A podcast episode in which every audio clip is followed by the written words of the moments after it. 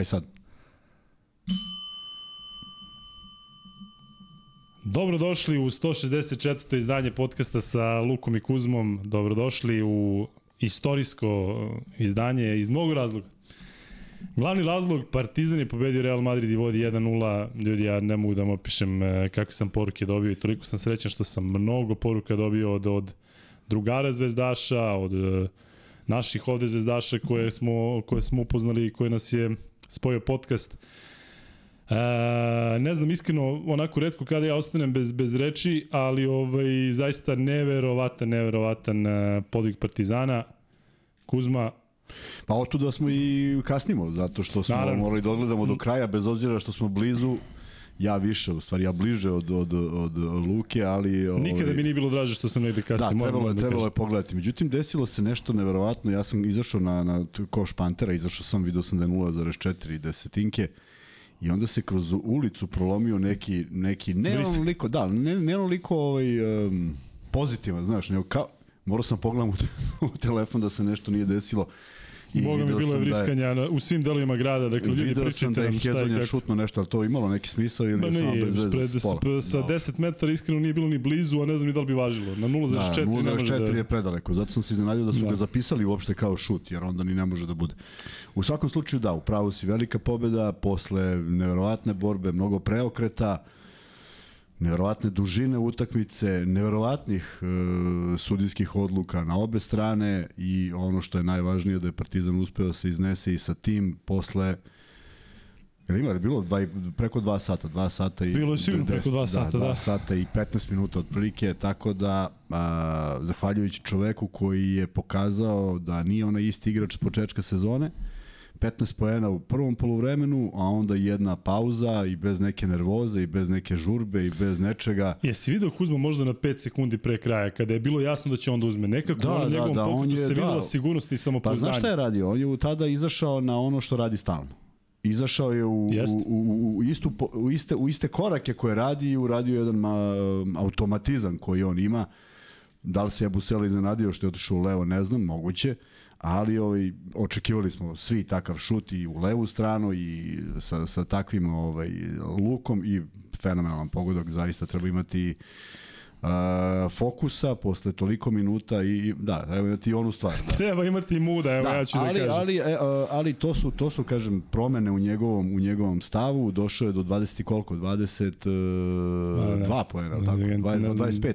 Ne znam da me pitaš sad koji je rezultat, ne znam koji je rezultat života ima. Evo, sad ovaj, ali kažem, sa mnogo strpljenja i zaista bio lider ove utakmice, mada u jednom trenutku sam pomislio da je sve rešeno kad je Madar drugi put ubacio. Prva je bila spektakularno blesava, A druga ona trojka, ušla je druga, na da. drugačije da, da, uh, sulud način, da. ali kao da ono uvlači magnet. Pomislio sam, ako Partizan pobedi, sad, međutim, Panter je stvarno uradio stvar za koju ne možeš da kažeš da nije, nije on rešio, ali da je Partizan pobedio dva razlike, ove dve trojke su bile e, ključ svega. Bilo je padova, bilo je nekih loših momenata, ali zaista na prste jedne ruke mogu da se izbroje. Uvek se vratio Partizan posle e, serije koju je napravio i što je najvažnije, vratio se posle onih 8-0 na početku druge četvrtine koji su nekako pretili da, da ovaj, podignu i publiku i da animiraju ekipu, ali sve je to zaustavljeno i dopalo mi se što smo videli neke stvari koje smo juče pričali, ali ćemo o tome tokom Ima, da, analiza. da, ima ovaj, e, zaista dosta stvari koje smo pogodili, koje ste vi pogodili, ali e, evo ja da kažem da je zaista onako e, kod mene lično je pomešano toliko emocija da ne mogu da vam objasnim. Dakle, taj neki dobar osjećaj koji sam imao juče o kojem sam pričao, sada nekako kada je se ostvarila bar ta prva pobeda i što kaže ovaj moj drugar, brate, šta god da se desi dalje, ovo je već sada ono samo po sebi spektakl.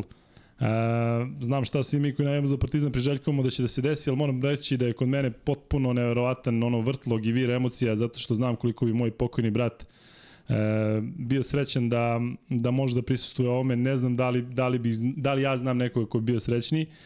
I e, prosto nevjerojatno, dakle, posle tog 26. januara kada se sve to desilo, dakle, nekoliko dana kasnije Partizan pobedio Zvezdu i onda je krenula praktično ta serija i kažem negde se on osmehuje i negde ovaj veseo. Puno donacija, e, hvala puno Limi, hvala puno Miki Jakšiću, Grobar Jug 95, Jovan Duma, e, mnogo, evo ga i Bo, Boki Markov. E, evo kaže, utisci neće da se slegnu još nekih e, nedelju dana. Nema vremena za da se bilo šta sleže, zato što, e, Kuzma, milion stvari mi je u glavi, ali ne mogu da kažem da ću da likujem i da mi je drago, ali ne bih volio da budem u koži Madridskog Reala koji ima 0-1, koji zna da treću i četvrtu možda sad već znaš, da razmišljamo 3-0, ali sa povređenim Tavaresom, Ne ja samo, ne bih ne samo da sa Tavaresom. Mi smo, mi smo juče pričali o, o naj, jednom od najkompletnijih timova ako su svi zdravi, ali oni ne da nisu zdravi, nego je to iz, iz minuta u minut delovalo sve tragičnije. Čak onaj moment kada je ušao ovaj, Randolph, Randolph i pomislim, gledaj sad ona svežina o kojoj sam ti pričao juče, on uzima iz prve, daje trojku, rekao, gledaj sad kad krene neka nekontrolisana serija srećom, ovaj, ni on nije spreman dovoljno Rodriguez van, van forme Ljulja nije bilo, Tavares se povredio što je vrlo bitno, mada Real nije odigrao uopšte loše onaj drugi deo utakmice od kada je Tavares izašao prema tome. Da, pa Real je onako, nekako je bolje na taj šok, čini mi se da je bolje Real od, od, od Mobilizacija će biti i kod njih. Uh, sećaš se da sam juče spomenuo kako neka utakmica može da se otvori tri faula nekome.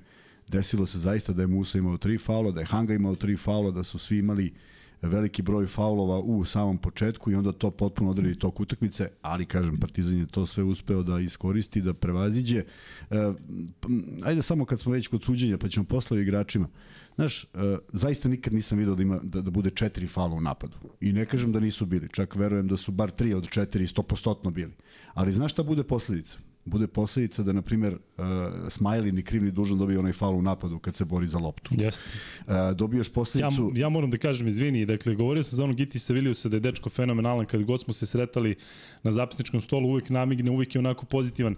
Plašio sam se ovog Lothar Mosera i Mogulkoča, ne samo da će da naloče možda protiv Partizana, nego da će jednostavno da oni uh, prave te stvari. Od ovog Litvanca uopšte nisam. Da, da. Dakle, tačno vidiš dakle, da celu utakmicu oni voze i da ne drže pod kontrolu. Tako je, ništa, ni samo, samo se ubacuju u veći, sve veći problem, a onda onaj moment kada Lesoru sviraju korake. Pa i sad koraci nije otkud, Lesor napravi korake tu i tamo i da, da. sigurno da. mnogo u onim duelima, ali u tom momentu kad se okreće pored, pored ovoga kako se zove? Da. da.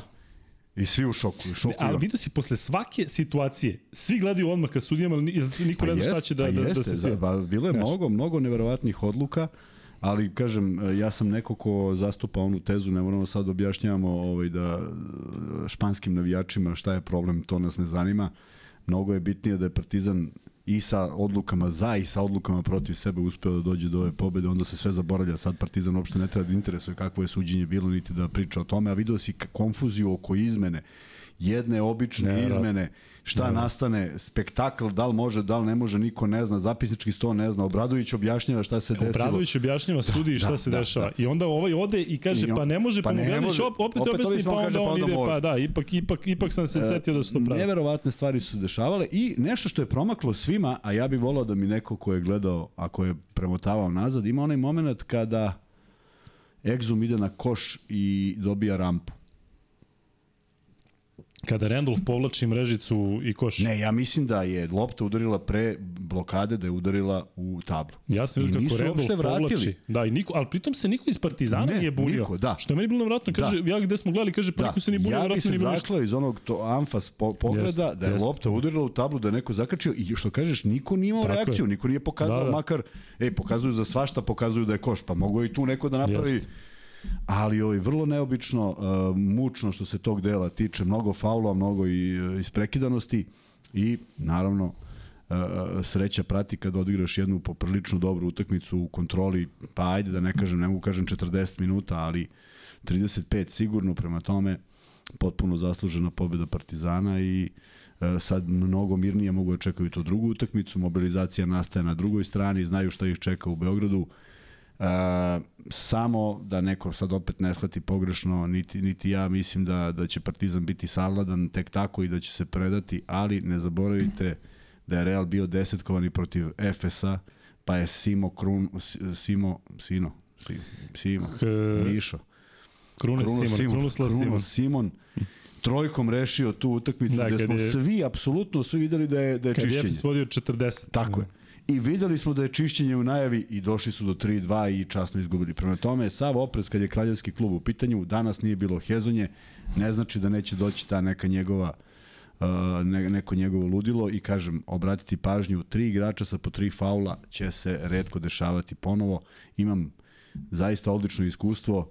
Uh, Meš Verona zvezda, Delvekija, tri faula u prvom minutu, izlazi, ne igra celu utakmicu, mi pobeđujemo osam razlike, dolazimo u Beograd, ne znam iz kog razloga nije skautiran čovek, kao nema veze, on 16 pojena daje, odigrao simultanku i oni idu za liniju dobijaju utakmicu. Tako da, treba biti oprezan i uživati u ome jedno 3-4 sata do, dok se ne legne u krevet i sutra sve iz početka jer utakmica je već za dva dana.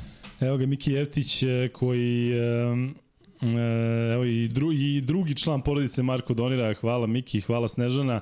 E, ljudi, zašto je ovo poseban podcast? Zato što postoji verovatno velika šansa da nam se uključi Marko Vlahović iz e, Madrida. Dakle, dve stvari koje potpuno su onako nove i nisu standardne ni za nas. Dakle, Mare i, i mi smo dogovorili da se on javi. Verovatno će se u nekom trenutku javiti, on sada ima sve i svašta.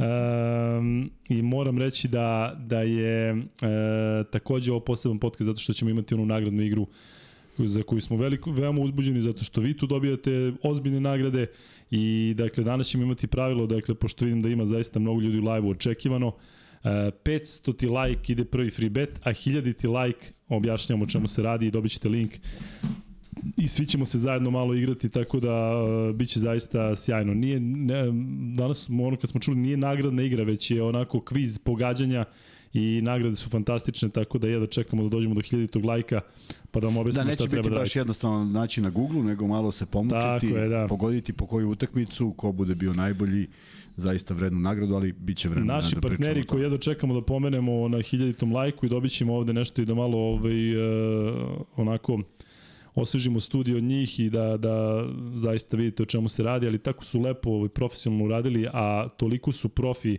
i toliko je ovaj hotel, evo već da kažem, u koji pričali smo već, u kojem, u kojem, ćete, u kojem će neko od vas ići, zaista je, zaista je fenomenalno. I stiže još donacija, Miki Knežević, evo ga, iz uh, Salčo Badena se javlja. Uh, Miki, veliki pozdrav. Uh, Ognjene, hvala ti puno na, na jako lepoj poruci, stvarno si, stvarno si kraljina. E, I hvala svima vama koji, koji ste sa nama u velikom broju, dakle kažem, ovo će biti zaista poseban podcast. Ja toliko mogu da pričam o svakom detalju, toliko pričamo posebno o igračima, ali moram priznati da se ne sećam uz dužno poštovanje, dužno poštovanje svega što je Partizan e, radio u onom periodu tokom Duška Ujoševića, onaj Final Four koji nas je toliko nas koji navijamo za Partizan sve usrećio. E, ovo je ipak neki poseban osjećaj. Dakle, ovaj Partizan sa Željkom protiv Reala 0-1 Um, zaista, zaista nevjerojatno veliki uspeh za Partizan već sada, naravno nema puštanja, nema ničega. Um, Biće mi jako zanimljivo da vidim šta će kladionice da postave za naredni meč, zato što Partizan sada uh, ima psihološku prednost. Real ne znamo da li će Tavares igrati, on je čovjek krenuo da šepa i posle toga izašao, dakle ja sam siguran da on neće odigrati 35 minuta u fullu u četvrtak kako uopšte bude igrao, ali me zanima kako će kladionice za koje kažem da ovaj da znaju da postave stvari, kako će oni da se da se ovaj odnose prema tom meču, verovatno će izaći jako brzo. Tako da ovaj e, e, ali vidiš kaže Ivan Milićević, a dobio sam toliko poruka da sam bio paravu za Smajlija da će biti pick and pop ako pogodi prvu trojku da će onda da krene. Ovaj svaka čast Smajli doćemo i do njega. E, i, i zaista mi je drago što me demanto u onom, u onom delu gde sam rekao da možda neće biti toliko bitan faktor zbog neiskustva, ali momak je možda i, i pored Pantera najveći moralni pobednik um, u ovom trenutku. Kuzma, um, šta očekujemo, pre, nećemo da pređemo naravno odmah na drugi meč, ali reci mi šta sad ovo znači za seriju? Uh, sad dok si pričao, teo sam da ti kažem da sad dolazi do izražaja uh, trener. Sad ćemo vidjeti šta Ćus Mateo može da spremi, to je ono što je sad njegov deo posla, igrači su potrošeni, malo demoralisani, ne verujem da će se predati, video sam veliku želju kod njih i uopšte uh, uh,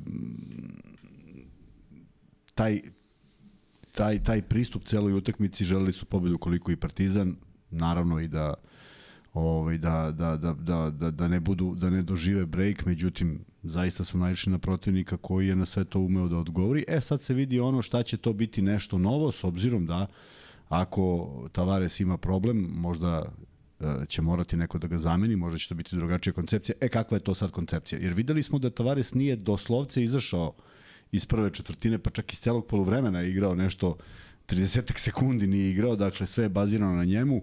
Da li je to ispravno ili ne, vidjet ćemo, da li će to biti drugačije u narednom meču. Činjenica je zaista da Partizan, da Real ima velikih problema sa povređenim igračima, mi jednog celog ovog Poja, Poarija ne gledamo.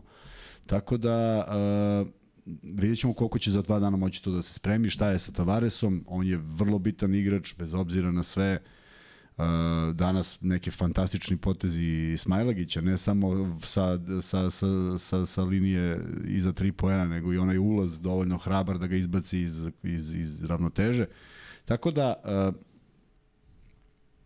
Ćus Mateo ima veliki zadatak pred sobom, vidjet ćemo da li je dorastao tome, da li će uspeti da spremi nešto. Uh, nekako razmišljam sad o drugoj utakmici, sad su svi poletni, puni jelana, da li nagaziti drugu, to je sad ono što treba osetiti u nekom momentu meča. Da li, da li malo, da li ući u drugačiju utakmicu, da li, to je sad sve nešto što Obradović bolje od bilo koga zna, pa ajde da vidimo kako će Partizan nastupiti, da li juri drugi break po cenu da se istroši, pa da, da, da, to, da ta pobeda bude ovaj, već blizu i u, u, u trećoj utakmici, što je bilo zaista neverovatno, jer kažem, redko se dešava da baš se dese dva brejka, ali upravo on ih je radio. On ih je radio baš sa Fenerom protiv Panatanikosa, pa uh, možda nisu u istim ulogama, ali po onome što smo gledali na terenu, deluje da Partizan ipak više zna šta radi na terenu nego ekipa Reala, s obzirom da pojedini ključni igrači nedostaju. Evo, Strahinja Drgićević e, kaže nešto sa čime se ja slažem da se više toliko ne pita Real. Da u ovoj sada situaciji e, mislim da Partizan sa Obradovićem, Partizan koji je oduzeo, mislim to zaista zvuči neverovatno, ali mi smo oduzeli e, Realu prednost domaćeg terena koji je on gradio cele sezone. Dakle, cele sezone je Real bio u prva četiri i znalo se ono Real, Barca, Olimpijakos, pa sad ko će četvrti, tu se Fener dizao gore dole, a ti oduzmeš jedni, jednom utakmicom i neka Željkova smirenost danas tokom meča meni ulivala sigurnost. Moram priznati da je jedini trenutak kada sam pao u polu depru, to je kad je dek pogodio ono o tablu, ne, ja toliko volim Ledeja, ali nikad mi neće biti jasno reakcija nakon tog kontakta kada je vidio da je faul i ovako e, slonio ruke umesto da se nastavi, da on pokuša tu loptu da, da ovaj, Da, još... Posle kontakta i faula ima pravo, dakle on se samo ovako povukao, ne nisam ja, pritom peti faul, razumem e, razmišljanje da četvrti mu je faul, Dek je šutirao uh, slobodno bacanje tog trenutka 7 od 10, imao je bez promaša bio iz igre, ali morao je, morao je bolje u onoj situaciji. Ali evo sada ono kada se pobedi pa sve neke stvari tog tipa padaju, padaju u vodu, ali Kuzmo moram da se vratim na Pantera, pričat ćemo o njemu i pričat ćemo pojedinačno o igračima. A kažem još jednom, ja sam u njemu video toliku sigurnost um, u onom trenutku nekih 4-5 sekundi kada je bukvalno imao onaj street ball potez kao ono 100% da sad ćeš da vidiš šta ću ti uradim. E, podsjetilo me na, na uh, Paula Pierce i da li bio ko beše od Tela Harrington ili ne znam koga čuo.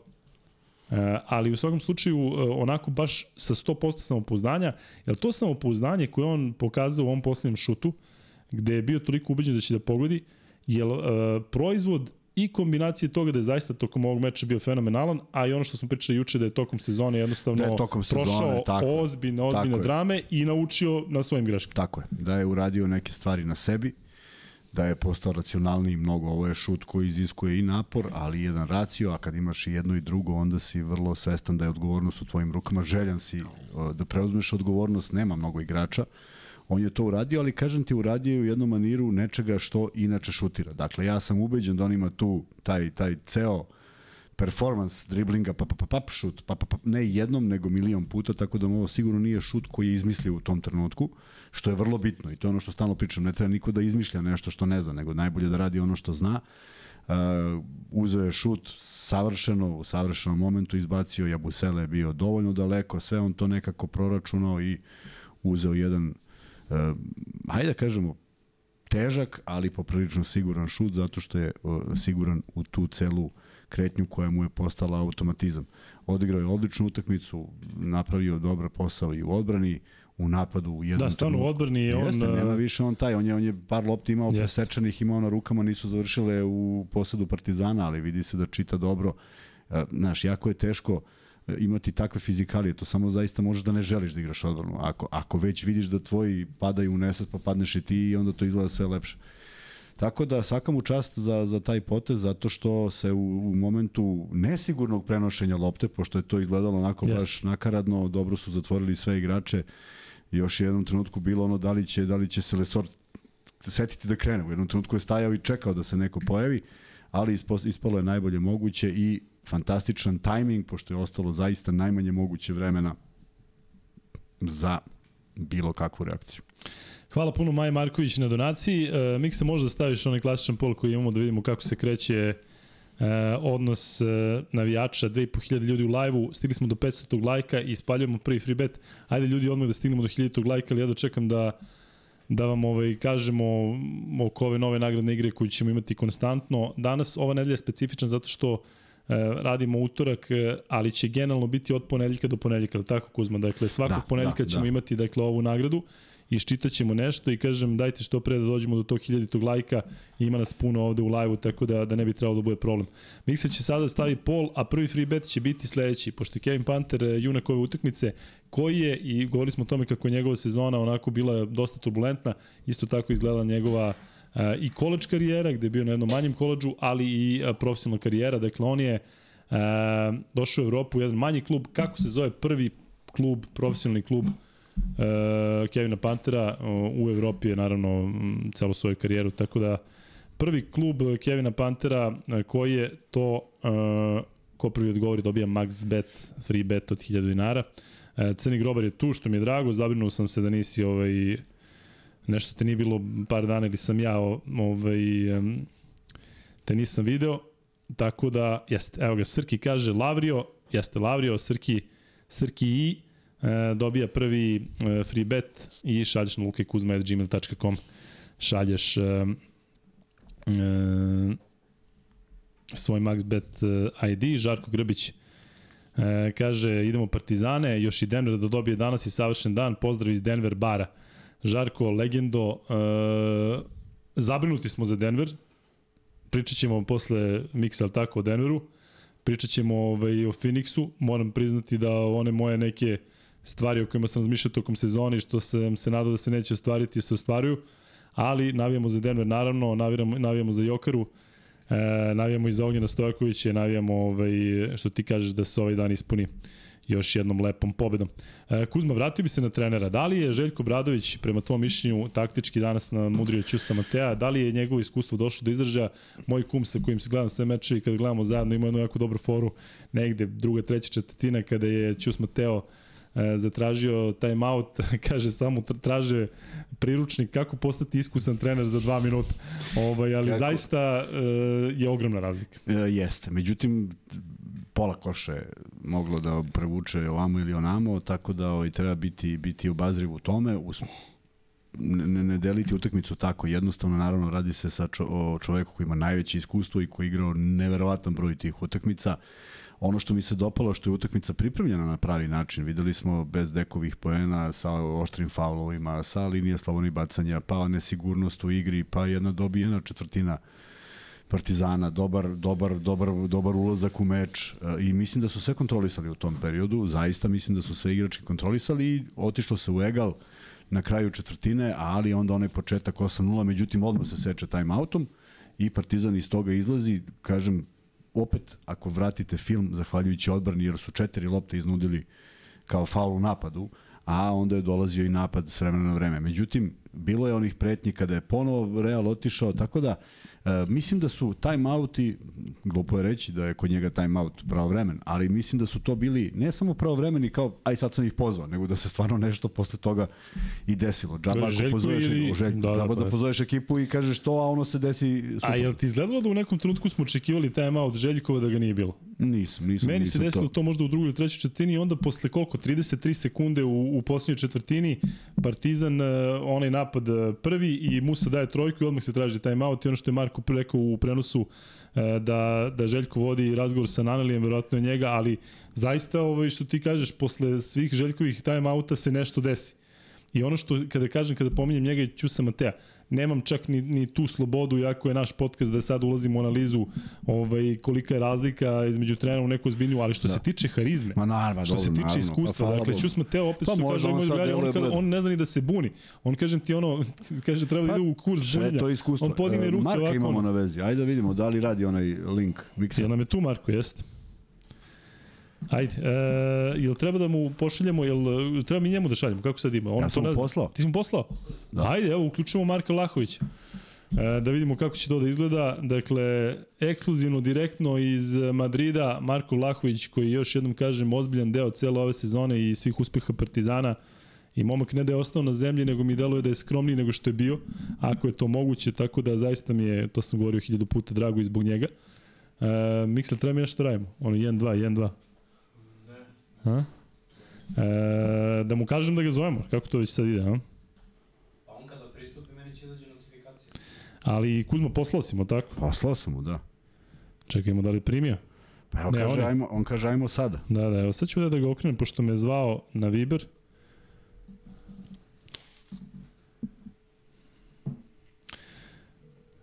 Ne zamerite, znate da smo juče pričali preko Vibera, kaže da je zauzet. Verovatno ga zovu ovaj, svi. Evo, napisam da uđe na Zoom i ja sam mu poslao ovaj... Uh, Moguće da sam ja sad ovim Viber po, pozivam totalno pa, Zoom, po- Zoom, pa jes. Ne upropastio ja, oglasit će se Marko, malo čas je poslao, kaže, Da, ajde da, sada, jeste, evo, možda, je sad nešto, posle isto i meni. Možda je nešto iskrslo. Kuzma, pa ti tamo objasni ovaj naslov Ćus ili Vozdar, na kraju je ipak bilo... Pa čus, da, na nemačkom, ako znate, čus, čus je ćao ili zdravo i onda je ispalo Vozdra. Znači, Vozdra Madrid za prvu utakmicu, nek se odmore dobro i ovaj, nadam se, ima, ima ljudi koji su ovaj napisali, ima ljudi koji su napisali kako se tačno piše na nemačkom i provali o čemu se radi. U svakom slučaju, eto još neka simbolika, bilo mi je čudno ime i onako uvek mi je simpatično ovaj, kada izgovorim, uh, ali ajde se vratimo na njega. Uh, mnogo, mu, mnogo mu je ovaj, uh, Mnogo mu je ovo veliki izazov, u krajnjem slučaju ima jednu odgovornost veću uh, samim tim što su među četiri ekipe, samim, tim, to, samim tim što brani domaći teren i vidjet ćemo, kažem, to je ono što smo pričali uče, da li je dorastao ili ne. Ajde samo da propričamo još o nekim stvarima koje smo gledali. Hezonja koji je bio potpuno van igre, šta je uticalo na njega, to niko ne zna, ali nije bio svoj. Se, sećaš se kako sam ti rekao da Rodrigueza gledam, kao čovjek koji obično pogodi prvi obruč. Nekako se i to desilo. Međutim, Jabusele je bio taj koji je nedostajao Realu očigledno i odigrao možda i najkonkretnije, samo sa velikim brojem faulova, što je Partizan opet uspeo da iskoristi. On je ulazio u sve veću nervozu, monstruozna je ona rampa, ali iskreno ti kažem, ne znam kako on nije faul. Tako neke stvari... Jabuselov? Da. Pa mislim, možda jeste lopta, ali i celo telo je otišlo napolje. Mislim, znaš, ne, ne, neshvatljive neke odluke, ali ajde, sad to nije važno, Partizan je pobedio i e, vidjet ćemo njegovu reakciju. Vidjet ćemo da li će uspeti da okupi ekipu, kako će imati kontrolu nad ekipom. E, smanjen mu je fond igrača, sad više definitivno zna da, ako, ako bude krenuo, ako bude krenuo sad više Randolph da igra ili svi ovi koji su povređeni, onda znaš da je izgubio konce, zato što to nije, što to nije deo strategije, to nije deo plana, to je onda daj da pokušamo i ovo pa ako upali, tako da vidjet ćemo kako će, kako će reakcija za dva dana biti. Ali meni, se, meni deluje da baš sada treba da dođe to neko iskustvo, uh, da dođe neko iskustvo do izražaja. Jel nam se dešava nešto, Miksa, a ništa? 99 yardi se po, pojavilo, a? 99 yardi gledamo sad ovde, a? To je nešto... Da, da. Uh, Kaže Marko ček, pa ćemo sad im. Da, čekamo i dalje Mareta. Um, Kuzma, 738 lajkova, dakle još malo lajkova do te nagradne igre, tamo dok evo se ispričamo sa Markom. E, u svakom slučaju e, mogu ti reći da kada e, ne znam koliko si stigao da pogledaš, ja sam pogledao samo na timeoutima, ali meč Monako Makabi nije ni za sam, kakvo da. poređenje Ma kak, sa ovim Real Partizan. Evo ja i ti prvo što smo što smo rekli je Kaže da da je bila holdu, fantastična utakmica. Da. Da. da, sad će da reši. E, Da, da, neuporedive utakmice. Po, otvaranje utakmice, otvaranje utakmice četiri lopte izgubljene Makabija, dve izgubljene Monaka, kao da nisu uigrani, kao da su se ne, kao da, skupili. kao da gledaš Evrokup da, i da, Euroligu, da, tako mi i delovalo. bam, bam, jedna trojka, druga, treća, nevjerovatne neke stvari. Šta bi Miks? Da nam je, da nam je neko, da je bilo koji sada je ovaj, uh, miksa sam ovde nešto sada. A, evo ga, evo dešava. Marko, da, primamo, da prihvatimo poziv. Evo ga Marko Vlahović. Ko, ko vidi sad ovo Marko Vlahović? Hoće ga videti, a? Ali ne samo ime i prezime, nego će videti njega. Evo ga Marko. Gde si, Mare? Da se čujemo? Please reci da se čujemo. Mi ga ne čujemo, Mikse. Mi te ne čujemo, Mare, ali samo da Mikse nešto uradi, pa bi trebalo da te čujemo. Ne znam da li ti čuješ nas, da li ako čuješ nas, ti Mare samo pokaži da nas čuješ. Ili ti čuješ nas? Ne, očigledno. Miks ne čuje se, ne čuje ni on nas, ni mi njega. A i ne vidi nas. Pa ne znam da nas vidi, ne možemo da mašemo. Mare! Ajde, Mare, maš. Jel nas čuješ? Evo ga i Mića. Mare, Miksa, uključi, ljubim te. Zvuk kako znaš i umeš, znači.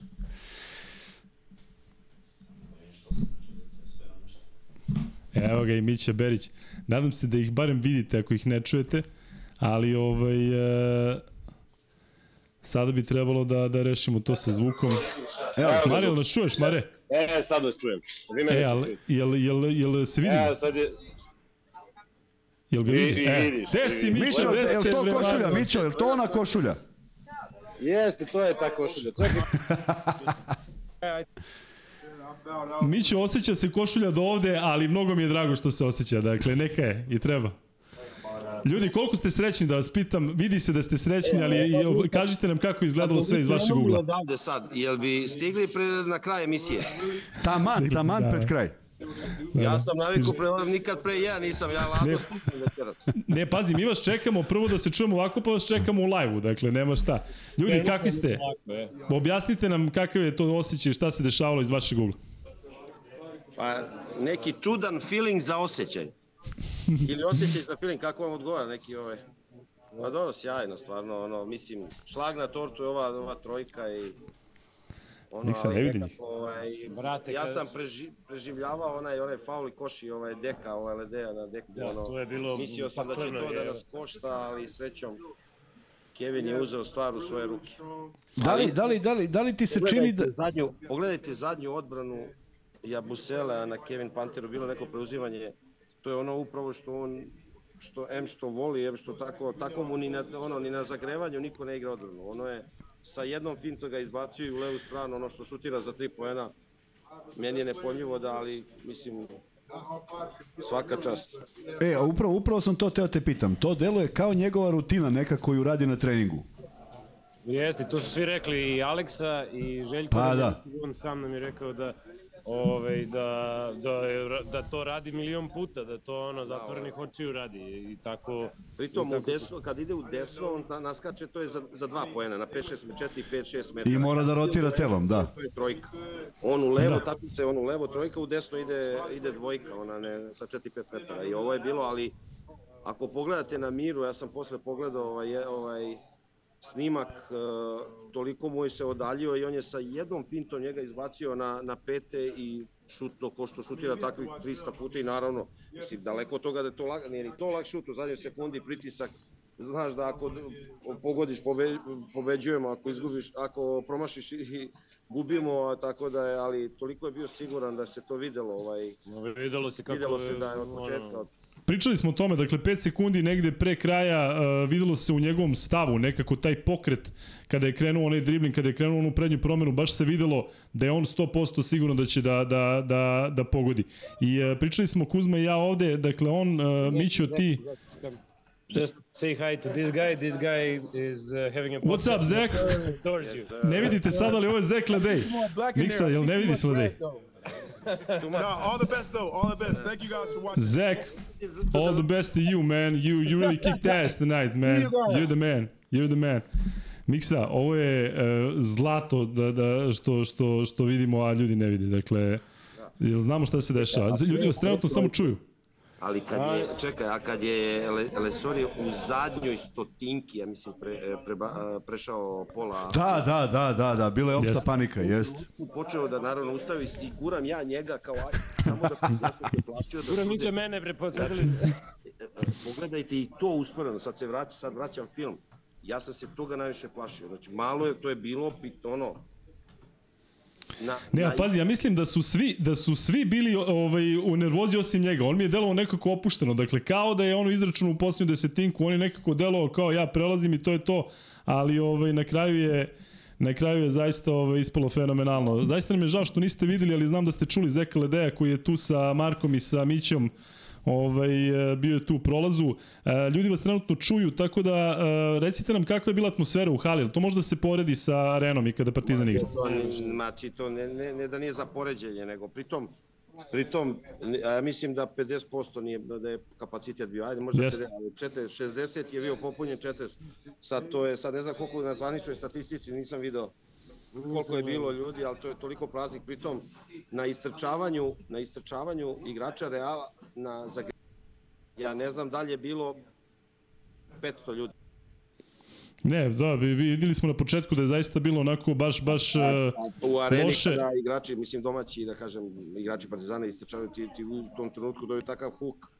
Zato, zato dođeš Da. ranije na utakmicu da bi to je, video. Da. Ali, ali dobro, to je jednostavno Španija, oni tako, ali definitivno večeras čak sam i čuo da ovaj iako karte apsolutno nisu skupe. Znači oni za za španske to je e- ekstremno jeftine karte, onaj go, gornji prsten da kažem. Tako da ovaj baš me čudi, ali pretpostavljam da će sad da Evo se- vide vas, konačno vas vide. Ljudi, javite se sada zato što vas konačno ljudi vide. Do sad su vas čuli, a sad vas vide. Tako da maknite, molim vas, naših 6000 ljudi sad ovaj, Ja ću, sad da, gleda. ja ću morati da, ovaj, da, da se odjavim, ja mislim da moram snimim ono... Ajde, sad moram nešto da snimim pa ću se javiti. Pa, je, tačno sam znao da će nas drže do jedan. I sam rekao, Tako je, tako. Gde god da si držimo te do jedan. ako uspete ponovo da se, da se javite ili sve, ovaj, javljajte se, tu smo, mi ćemo da trajamo dokle god. Imate nešto za ovu prvu rundu, pošto se nadamo da će biti još da kažete još za kraj. Ma bre, u pa četvrtak opet ništa, da ovaj, Tako treba. Tako Mi smo, mi smo došli ovde da ovaj, napravimo jedan break, tako da sada opušteno ulazimo u ovaj, u ovaj drugi meč. Miću, ko je u, u ovom trenutku u psihološkoj prednosti, samo reci. Pa dobro, definitivno mi pritom, to ćemo videti e, sutra, ovaj, Tavareš uopšte nije izgledao, malo pre je prošao pored mene, onako ozbiljno E, bandažirano, hramlje, da. e, ba- bandažirano koleno i hramlje i vidim po faci da, da je nešto, nešto ono je bio malo neka povreda, nije to samo udarac. I to je upravo se desilo u trenutku kada je blokirao Smajlagića u prvoj četvrtini, ako se sećate toga. Da, da. Ovaj, ali je to naravno, ja, to smo pričali sa Aleksom u, ovaj, posle u studiju, posle utakmice, nikada ne želim stvarno da da budem zadovoljan, da kažem je super, Naravno. možda neće je tako da stvarno i rekao je to Aleksa svaka čast kada da Da. ovaj želimo da da pobedimo Real u najbolje mogućem sastavu tako. da- Ljudi, hvala vam puno, Mare, cepaj ti dalje, znam da imaš obaveze, ako posle možda se javiš opet, e, javljaj se. Ćao mamci. Hvala puno što ste se javili i uživajte i... Ili, Ćao, legenda. Ćao. E, Miksa, hvala ti puno što si, znam da si se tu mučio da pronađeš ovo, ali ovaj... A? Ali ovaj, e, ja mislim da ih čujemo i dalje, samo ih sad, sad možeš da se vratiš na ovo. E, treba vjerojatno mi nešto da isključim. A? Mare, prekidaj. Mare, čujemo te, Mare, i dalje. E, neka, da, ne može, jel, jel ostajemo je? Jel i dalje pričamo? Ajde, čao. Ovaj, e, e, dobro, bilo je zaista super, mnogo nam je žao što niste videli ovaj Ledeja koji je tu došao da vas pozdravi. E, Marko me pričao o podcastu, pričao je koliko ovaj, pozitivno pričamo i o njemu i o svemu i zaista ovaj, je bilo fenomenalno ovo i eto, ako bude prilike da se uključe e, opet svaka čast. Zaista su momci fenomenalni, dakle nije što su naši, što su, što su naše kolege i što su što smo svi ono da kažem jedna porodica, ali videli ste ovde kad su bili kod nas i mnogo mi je drago da, da mm, su zaista i sada oni srećni. Dakle, videli ste koliko tu mora da se ipak pravi neki balans između toga da budeš profesionalan i da ne pređeš neku granicu. Mislim da, da obojice to rade jako dobro i da su pre svega šarmantni, simpatični, da se vidi neka emocija i svaka im čast obojici. Kuzma, e, 3000 ljudi u live-u, šta imaš ti da poručiš ljudima? Ništa ćemo da, da radimo. Ne, pa vidi, stvarno treba da se da se provesele ovo veče, ovo velika stvar. Ovo je prva pobeda Partizana u Madridu. Mm, Da. O, četvrta ukupno e, prva, Tako da, to je, to ma je, kažem, to je, istorijsko sve. sve se poklopilo, pravi moment. lepo je što su, što su Marko i Mića tamo, tako da ovaj, sve onako jedan, jedan uh, spektakl koji, vidiš kako to, kako to, kako to interesantno. Ovaj, ne deluje tako na televiziji da je atmosfera takva kakva jeste. Mislim, ne, ne može da se poredi sa arenom, to mi je potpuno jasno, ali čak i na, sa nekim drugim dvoranama. I u krajnjem slučaju u, u Monako Makabi, koji ako si gledao, vidio si jednu onako go, gospoda malo sedi svi onako Da, tu očekivano šuplja priča. Jesi vidio onu bakicu, nije Nis, bakica, nis. jedna, jedna gospođa iz, iz Reala koja skoro da zaspi na utakmici, znaš, mislim, posto... Ne, stvarno, ali onako kad vidiš one ljude, ti vidiš da. da. oni, o, ja mislim da bi oni tako navili da gledaju Pa da, na da, da, pravi. ne, ne, znači sad neka možda i ne odluka dobacuju. i oni nešto, da. ej, ne, a možda i dobacuju do važnosti utakmice. Možda Da. to samo jedan dan u Madridu kad ima utakmice, pa oni dođu gledaju. Prosto sve je drugačije, drugačije se doživljava. Nekada im zavidim što ne moraju da, da budu ono uh, 100% po, posvećeni tome, ali nekada, nekada to donese neku prevagu i uh, ne mogu da zamislim kako bi igrao Madrid da ima podršku kako imaju kako ima fudbalski klub, a nema takvu podršku među navijačima, ali ovaj u tom u tom pre što je ovo protiv jednog od najvećih klubova u istoriji, što fudbala, što košarke, jedna velika pobeda i eto taj osmeh Ledejov koji je izašao pred kraj utakmice govori da vrlo verovatno Partizan će želeti da i u drugoj utakmici sa, sa činjenicom da ima mnogo povređenih igrača da nagazi i da tu već u Beogradu završi možda i ranije. Ne mogu da kažem da je očekivano, znaš, možemo da se nadamo da to možda bude dobra utakmica i sve to, ali očekivati pobedu Partizana uh, u prvoj utakmici protiv Reala, iako zaista mislim da su sve snage bile upućene na ovo. To sam juče rekao zašto I ovdje mislim kažu da da je Kuzma rekao da je prva utakmica najvažnije što smo i znali, ali generalno ti si to obrazložio to je, tako to da... mora budu sve neke tajne koje se više ne skrivaju, one, više, one već Da. sutra nisu skrivene, one su već sutra ogoljene. Tako da je dobro što je što je to urađeno u prvoj utakmici. Zamisli taj, taj, taj užas da je Panter promašio i onda ti ideš u slačionicu i znaš da si bio ovoliko, onda ne možeš da se podigneš energetski za drugu utakmicu i tako dalje. Ovako, Partizan ima sve u svojim rukama. Ne treba da poleti, ne treba da misli da je kraj. Tek kad bude kraj neka slave, imaće šta da slave, ali do tada odigrati ozbiljno, zato što e, radi se o ekipi koja, kažem, nikad se ne predaje, drže do sebe, imaju ozbiljnu istoriju, ozbiljnu tradiciju i na njima, njima prosto ne priliči da, da, da odustanu. E, Kuzma, e, na tvom mestu, ti da si sada igrač i da se, da dobije jedna ovakva prva utakmica i da se za manje od 48 sati igra druga, kakav je mindset, koliko imaš prava na, na, na bilo kakvo radovanje, a opet ili ta neka euforija može da ti donese da, da jednostavno u istu energiji nastaviš i, i seriju? Znaš šta, ja sam bio malo atipičan, stvarno nikad nisam bio euforičan. Ja ne znam da li postoji moja, snim, moja slika da ja nešto kao sad. Prosto bio sam tako. Možda Lazić kad igra, možda tada ako te Kad neko Laza igra, uhvati, to je da, drugačije, to je, to je već potpuno- drugačije. Ovaj, tako da nisam na terenu, možda i nekada kad je bilo ovaj, svaka, svaka, sva prilika da se to uradi, da, da ovaj, uradim, ali prosto nisam bio euforičan, nego sam imao neki taj, taj uh, taj pristup utakmici, znaš koji? Pobedili smo, eto, mi smo pobedili Partizan u prvoj utakmici. I znaš šta se desilo među vremenu? Šta? Pa Lidija i ja sedimo na Tašmajdanu, šetamo 1-0 za, za, za BFC. Šetamo Tašmajdanom, prolaze dva moja momka i neću zaboraviti. Kaže, vidi ga ovaj, kaže, sad dobili Partizanu sa šeta po Tašmajdanu. Nisam bio tamo nešto slavio, niti sam bio nešto tamo ne znam šta radio, nego jednostavno sam se ponašao potpuno normalno jer znam da idem na spavanje u normalno vreme, onako kako meni odgovara, Za razliku od danas. Da, da, za razliku od danas. I znam da ću biti spreman za sutrašnju utakmicu. Šta god Partizan bude uradio. Tako da to su bili izazovi, ali kažem, nosio sam se tako s njima i to, to i jeste do, do, do svakog od nas individualno, ali ne znam šta je u glavama drugih, volao bi da budu na zemlji. Mislim da ako nisu, da će Obradović da ih vrati velikom brzinom. Ali izvini, rekao je Bobradović na onoj posljednjoj konferenciji pred odlazak u Madrid kako bi ta euforija navijača i te ambicije koje možda u nekom trenutku deluju nerealne, delovale su nerealne, sada sve onako ide tim nekim ovaj, e, željama, nekim snovima, ali rekao da bi to trebalo da se prelije na igrače. E, u smislu taj neka da oni euforija veruju, i te da, ambicije. da i oni sve. veruju i da oni to žele, to apsolutno da. I u takvom, u takvom pristupu su i odigrali. Znaš šta, moglo da se desi na minus 8, e, jebi ga. Minus 8, šta sada radimo, ali nije. Dakle, verovali su, verovali su celu utakmicu, verovali su i do šuta Pantera i imali su razloga da veruju. Tako da to jeste jedna, jedna, jedna energija koja se proširila da to je, da to je moguće. Samo, o, govorim, ne, ne očekivati. Nadati se je potpuno legitimno i ja potpuno razumem navijače Partizana zašto se tako ovaj, Uh, zašto, zašto takav pristup imaju iz prostog razloga što je nada to nešto što pokreće i stvarno mislim da sad Partizan posle ove pobede to sve izgleda drugačije.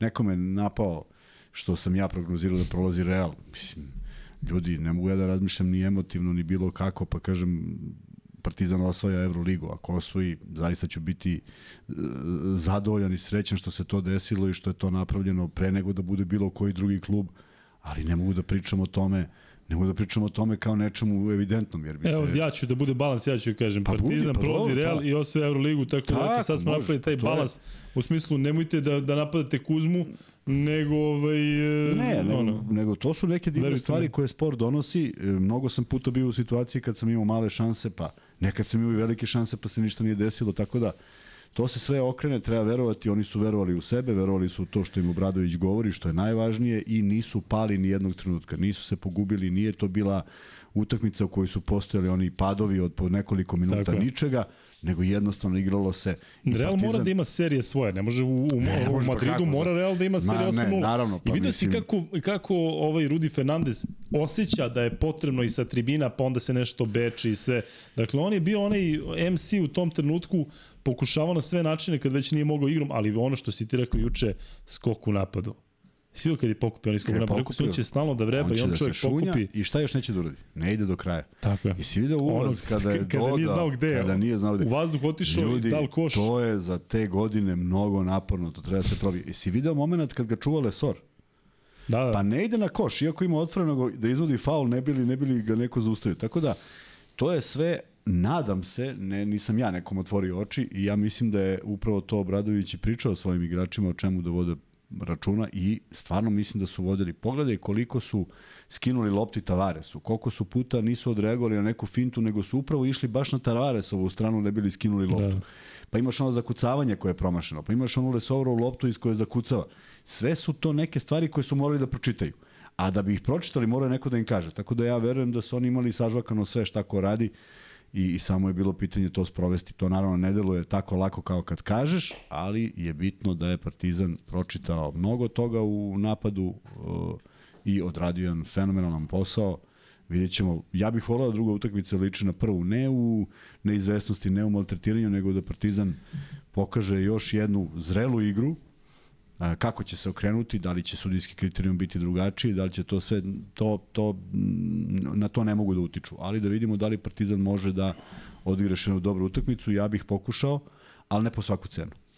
Ja stvarno možda gledam navijački, možda sam subjektivan i evo ti mi reci iz svog ugla da li preterujem, ali zaista mi deluje da a, u ovom trenutku zavisi od Partizana, da Partizan je u stanju da se izbori sa Realom kakvim god, šta god, evo nek Tavares igra 35 minuta, da je Partizan u stanju i da sa sudijskim kriterijum da, da iskontroliše, dakle večera smo videli potpunu kontrolu i u tim trenucima kada Real preokreće, kada vodi, Real je otišao na 8 ili na 7 razlike posle onog koša deka, Dakle, sedam, Partizan potpuno miran, Partizan potpuno siguran, u tom trenutku nije bilo nekih rešenja u napadu, ali nije se videla ta nervoza. Sve se slažem, sve I onda u slažem tim s tobom. trenucima i dolaze one trojke Madara u smislu, uh, znaš, nekako te pogleda Nagrađen i si malo, sigurno jesu, Tako je. da.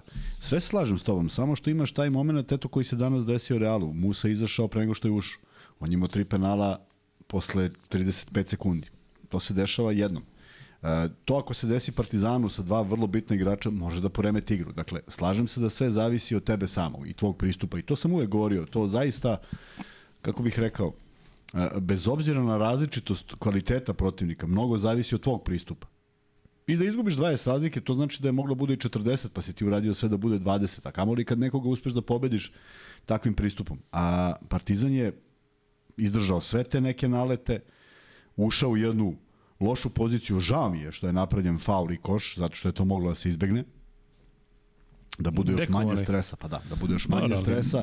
Partizan, Partizan ima onih 3 plus 1 Pantera i Egzumu ih 2 plus 1, neki 3 koji tu plus mora, 1, mora, mora, nevjerovatno. Gos šta radi, Ne, mislim, Gos, prosto... ja bukvalno kažem, ovo je naš grobar, dakle ono, onaj faul koji je napravio, Dobro. kao da je, kao da je ono bio u fazonu, daj vrate da, da poguram E, svoj tim, zato što kao, kao, znaš, ideš direktno, udaraš ga po Direktno levoj ruci to ruci, posle da. šuta kada već šuta, izbacuje. A ovo izbacuje desno, ti ga udaraš po levoj. I to pazi- je još manje verovatno. Prosto je neverovatno da je Panter toliko sam svoju tu trojku 3 plus 1 bacio u senku ovom trojkom posljednom da, u da. smislu da niko više ne razmišlja o tome. Znači mi smo sad setili možda onako slučajno usput. Pa dobro, ali, zato što je da, odlučeno Ali to je utakmicu. bilo, to je bilo meni E, a- se čini ono presudno Da. u, u tom trenutku. Ali ima jedan detalj koji, koji je Marko čak i prokomentarisao ovaj, i žao mi je, posle sn- snimali su trifu par puta na, na, na Uf, klupi jest. bio je baš onako potonuo. Uh, ajde onaj airball, to manje više, nego, nego onaj moment gde treba da proradi iskustvo, ne Trifunovićevo.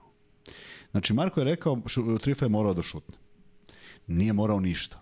Loptu ima Madar, koji je šutnuo, kako god da je šutnuo, šutnuo je 2 od 2. Daje Panteru, koji je šutnuo, pogodio tri trojke do tada. Zašto ubacuješ u problem? Pa verovatno zato što je bio onoliko sam. Samo ja ne mogu u tom trenutku da provalim je- da li je bio sam zato što su ovi ispali Ne, odbrani ili su ga ispali pustili. ispali su odbrane, ispali su, ne, oni su stizali tek. Ili su rizikovali nek Ramona koji je već šutno i sa iste te pozicije airball, upravo nema to. veze. Ali je malo prepromašio. Da. Nemoj da ga ubaciš u tu poziciju, nego ti kao upravo kao iskusni odgovorni, samo se stušti na ulaz. Nema ko da te zustavi jer je već, bila, već je bio haos u odbrani. Dakle, M se izvukao svog saigrača koji nije upao u problem, M se onda dešava onaj faul odmah zatim i onda Trifa izlazi i vidiš da je potonuo. Jedini koji ne može, ej, koliko god sad on želeo da se raduje. Mnogo je teško. Mnogo je teško da posle učinka takvog gde, svi, gde su sve oči na neki način uprte tebe, pritom otvara utakmicu odlično, ono što smo pričali, tražit će svoju šansu i treba da ih iznenadi, treba da nekog natera napravi faul. Ništa se mnogo nije desilo, ja želim mu da zaboravi ovu utakmicu i da se veseli sa ekipom, jer je to veliki uspeh, ekipni uspeh. Baš mu je teško palo, dakle Da, ono da, videlo da, se, znaš, da. još kaže ovaj moj drugi Da. s kojim sam gledao, kaže, verovatno ono, možda ga Real merka, pa znaš, zato ovaj, možda je interesantan Realu, pa sad je stalno u kadru, ali mislim da je reditelj prepoznao njegovu u tom Ma, trenutku on je emociju. bio jadan, da, Čak da, možda baš. ono i na ivici plača, zato što je to zaista bio šut koji je mogao možda da, da donese. I sad se mnogo, naravno, da. Tako je, doneo bi mnogo, ali kažem, ja se tu vratim, ja se tu vratim na jedan detalj iz karijere, desno jedan, levo Sloba Nikolić. I ja bacam desno. I čovjek šutne i promaši. I, čovjek, i Nik mi priđe i kaže, vidi, kad smo nas dvojica, moraš da razmisliš kome baciš loptu. Košarkaški je da baciš meni, pošto je on procenat šuta za 3 imao 92%. Mnogo je bolje meni, čak i ako nisam u poziciji da je sačuvam. Tako da, eto, neki još savjet igračima da još konkretnije troše svoje lopte, jer je Panter u tom trenutku uh, čovek koji samo da napravi jedan dribling, on prolazi do kraja, nema nema formirane odbrane. Da. Ali izvini, jel te dobro razumem da, da, si, da kažeš da je Madar pa, pa Panter, jel ne zameramo Trifi što je uzeo taj šut? Ne, ne, ne, Trifi ne zameramo tako? ništa. Dakle, on ma ne, ništa što je sad on vratio loptu. Pa Zato što je moj, meni ključan e, moment na utakmici je bio Smajlagić, koji je otvorio sa tri trojke. Nikomu ne bi zamerio da je šutno još ne znam koliko, ali on u pravom trenutku koristio finti i kada je Panter imao 3 plus 1, Dodaje, on je imao dodaje, šut, on dodaje, tako. on imao, je on tako, dodaje imao je potpuno, Tako je, potpuno je sam mogu da šutne. Znači, Smajle me tu duševio, to me iskreno... E, ali vidiš, i njemu se desilo vrlo slično, upada, upada u onu poziciju kada on treba onaj pretposlednji napad Jeste, da reši. ono kad se sad pivotirao, ti nje, da. Znaš, on se čovjek... Ali uvalio se, nije se sam uvalio, nego 5 sekundi do kraja, niko nije otvoren, niko mu ne prilazi, to- nema uručenja i to je. E, sad zamisli samo, a ja verujem da sa klupe stiže komanda koja je potpuno drugačija. E, samo tu ne ubaciti svoje saigrače u problem. Jer ih onda imaš. To može da bude peti minut, 55. 38. svejedno. Daj samo da ga ne izgubimo. Zato što je Trifa uradio najbolju stvar. Pazi, kad primiš loptu, ti imaš, me, ti imaš mehaniku šuta koju ti uvek ono trener ti doda loptu i ti šutaš. Dakle, ne bi on sad, Trifa da je stao i čekao, pa šta radi? Pa tek taj šut sledeći ne, ne liči Da. ni na šta. Tako da je on uradio pravu stvar, ali eto, desilo se to, jer e, e, mislim da je veći rizik bio da šutne i da, da promaši nego šutne, da šutne i da pogodi. Bilo bi lepo, ne bi rešilo utakmicu, a ovako je ispalo baš bez veze. Želim mu zaista da se raduje sa svojim saigračima i verovatno su ga tamo svi ovaj, ohrabrili i rekli da prolazi ovo, da, da bude spreman za četvrtak, za nešto slično, da, da, da ne razmišlja sada kad bude ponovo ostao sam, zato što će biti momenta kad treba uzeti šut, ali kažem, ovde je zaštita mogla da dođe od iskusnijih saigrača. Madar ima loptu, vidi Pantera i Trifu, nije formirana odbrana, nema nikoga ispod koša, okej, sačuvaš loptu, igraš neki smisleniji napad, Nešto što je Partizan radio tokom cijele utakmice. Nikada više dobrih pozicija za Lesora i njegovih lakih prodora protiv Jabusela, naročito kad je bio u problemu sa faulovima. Čovjek odigrao. Pa to sačekaj. To sačekaj zato što je sigurniji. Zašto nam ne treba plus 10, nego nam treba plus 9 ako, ti, ako odigramo pametan. Ljudi, stigli smo do 1000 lajka, imamo rekord 2500 ljudi je glasalo i 3217 ljudi u live-u. Imali smo, kad je bilo evropsko prvenstvo, mislim da smo imali oko 3500 ili mogli bi to da prebacimo večeras. Ali Kuzma, i odmah čim Kuzma sada završi ovo što ću da ga pitam, pošto će pošto je povezano sa Trifom i ovom pričom uh, trenutnom, odmah prelazimo na ovo što je da čekamo, to je taj kviz i to je to ludilo, to su te nagrade za vas. Uh, Kuzma, ti uh, pominjao te i Saša Pavlović, pominjao te i Radmanović, koliko si imao odnos prema tim mladim igračima, koliko su voli tebe kao nekog iskusnog kada dođu na trening da imaju pored sebe. E sada, u ovoj situaciji sa Trifunovićem, ti da si sada 30 i kusur godišnjak u ekipi, jel potenciraš toliko, toliko to? imam. Da. E, da. Nemo da prekinemo ovde, moramo se vratimo na kviz, pa nećemo da produbljamo, ali e, jel potenciraš to? Jel mu prilaziš da ga bodriš ili je bolje da od toga ne praviš ništa? Da praviš... se praviš da nije bilo u smislu, znači, znaš, sad se sve zaboravlja, ili od toga praviš neki slučaj pa da mu možda još više ubaciš u glavu? Ne, ne, samo konstatuješ, sine, idemo dalje, za dva dana nova utakmica, zaboravio ovo sve što je bilo i objasniš mu zaista ovako. Ali zaista mu ovako objasniš. Ovo što sam ti ja rekao, treba da bude zaštita od njegovog boljeg, kvalitetnijeg saigrača koji je nekvalitetnijeg generalno, nego mislim čoveka koji je u, u kontroli igre, koji može da poentira. Samo to. Samo to ali, ali doslovce na taj način. Ne treba da upada u bilo, kakvu, bilo kakav bedak, vidim da mu je bilo teško, kažem. Uh, zna, znaš, kakav ti, znaš kakav ti razmišljanje? Šutno je na airball. Šta je sledeće? Sad ću se izvadim. Hej, Tako. jevi ga. I onda kad se ne izvadiš... Ali ona nije bila blizu, nije bio airball, ali nije bila blizu. Ono se bila kratka, da, da. baš kratka. Zato ti kažem, znaš, e, mnogo, mnogo ćeš više da mu, da štete bude nego što će biti koristi ako pogodi. Tako da ovaj verujem da ga da ga tamo ovaj tetoše, verujem da je on omiljen kao jedan od najmlađih igrača, prema tome voleo bi da bude spreman, mentalno da bude spreman za drugu utakmicu. Ljudi, uh, sve je spremno za novu uh, eru u našem uh, podcastu gde smo mnogo srećni zato što ćete vi putovati i dobiti zaista divne nagrade. Kuzma, jesmo spremni? Samo Evo, cepi. Ja da iščitam. Dakle, naši drugari, veliko hvala Đorđu, pre svega, ali hvala i Nemanji zato što je ovo bilo na njihovu inicijativu i tek ćemo imati saradnju i kažemo ovde ćemo malo da obogatimo studio i kada budemo prešli u novi studio sve je to povezano sa njima, ali e, poklanja vam se odmor zaista na jednom fantastičnom mestu, a to je Zlatibor e, e, Mountain Resort and Spa za koji e, mi još uvijek nismo mogli da se uverimo koliko je tamo dobro, ali iz slika, videa i onoga što možete vidjeti na internetu i svuda, ono je zaista na svetskom nivou. Dakle, vi dobijate putovanja, a kako dobijate putovanja? Mixa je sada izbacio ovaj link koji možete da vidite u četu. Taj link će biti isto i na našem u buduće na svakom, na svakom podcastu. Ja ću sada da pročitam ukratko o čemu se radi. Dakle, akcija se zove 5 za odmor. I zvuči ovako. Prognozirajte ishode pet odabranih utakmica i osvojite odmor za vas i vašu porodicu u luksuznom rezortu na Zlatiboru. Prva tri pratioca koje pogode rezultate pet parova dobit će voucher za porodični vikend u luksuznom hotelu Zlatibor Mountain Resort and Spa. Dakle, ovo ćemo imati na nedeljnom nivou. E sada, imate da pogodite pet utakmica koje smo mi odabrali za vas. Tako, doći ćete do toga kada kliknete na ovaj link koji trenutno vidite u četu. Samo kažem, kada kliknete na link, otvara se po, polje u koje upisujete mail. Tako je. Zato što će vaš mail biti jedan ulaz, logično, i kada upišete taj mail, otvar, otvorit će vam se meni sa pet utakmica da birate ko pobeđuje. Ne tačan rezultat, nego samo ko pobeđuje. I naravno računa se produžetak da ne bude kao da u kladionicama bude x, znači ko na ne, kraju pobeđuje dobije tu utakmicu. Da. I budite oprezni, izvini Kuzma, zato što sada e, naglašeno je tamo koja utakmica je. Recimo, peta utakmica je Memphis Lakers, druga utakmica Real Partizan, druga utakmica e, meča Monako Makabi. Imamo oba Evrokupa i to su tih pet mečeva. Dakle, dva Evrokupa koji se igraju sutra, odnosno igraju se danas, pošto je sreda već počela. Ova dva uh, meča Evrolige koji su odigrani u utorak, dakle u četvrtak drugi mečevi tih serija i meč između Lakersa i Memfisa odnosno Memphis i Lakersa koji se igra u, u noći između srede i četvrtka po našem vremenu.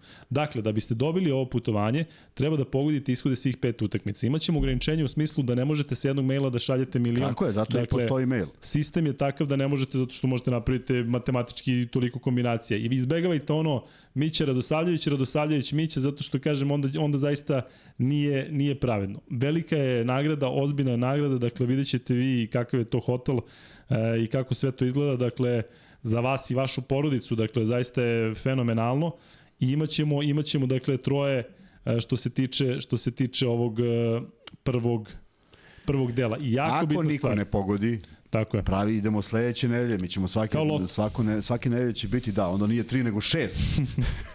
da, povećava se, povećava, povećava se nagradni fond. Šalim se, svake nedelje ćemo to raditi s tim što je svake razlika, nedelje. s tim što je razlika što će ove nedelje biti od srede do petka jer smo juče instalirali Tako je. ovo. Slušajte ovo. sad dobro ovo što Kuzma kaže. Da, bit će od srede do petka.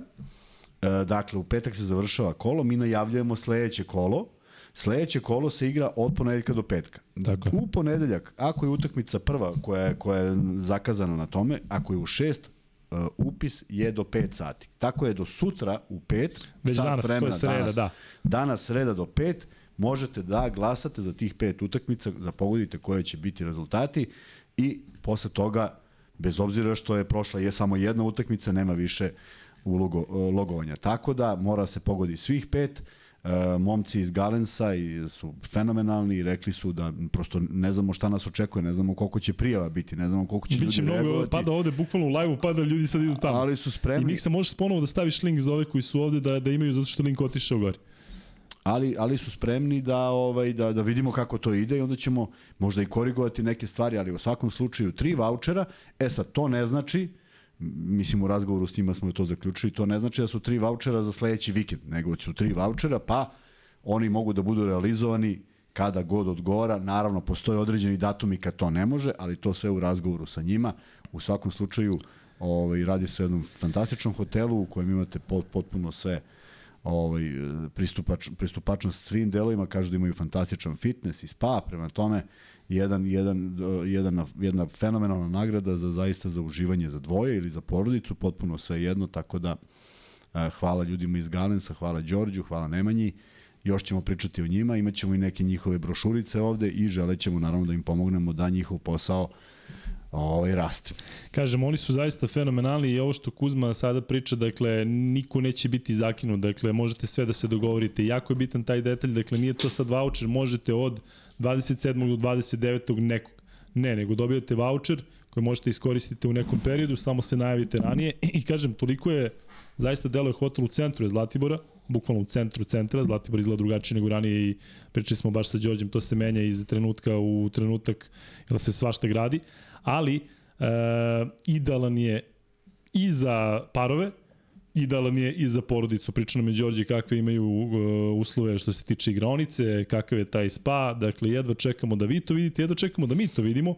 Eto, ono što može da se zadesi je da u nekom trenutku vidite tamo i Kuzmu i mene, ali tako Kuzma? I ćemo i mi. I ćemo i mi, da, tako da, da ovaj, moramo prvo da, da vidimo kako pet, se ponašate, da, da, da, vidimo kako se ponašate tamo. I mi smo imali tu, tu ovaj, privilegiju da zaista prvi probamo dakle, ovaj sistem i vidjet ćete kako su, evo, baš Vuk Grbić kaže, baš je zanimljivo, kako su napravili uh, ovu, ovu igru, koliko je to profi, takav isti hotel. Dakle, jednostavno tako pristupaju svemu i kažem, ovo je jedan početak divne saradnje i mislim da će biti zaista na obostrano zadovoljstvo i mnogo nam je drago, recimo, kao i Velja i Jogo koji su prišli nama, dakle, nismo ti, to mi nešto jurili, nego jednostavno evo ga, su oni... Evo ga i Dragan Gavez čekao da ga u čošku. Evo ga. Da, da, dakle, svi... Svi, svi su prišli, svi su došli ljudi, pre, prepoznali neku energiju, našu, tako. vašu i mnogo nam je drago zbog toga, tako da i ovo ide u tom smeru.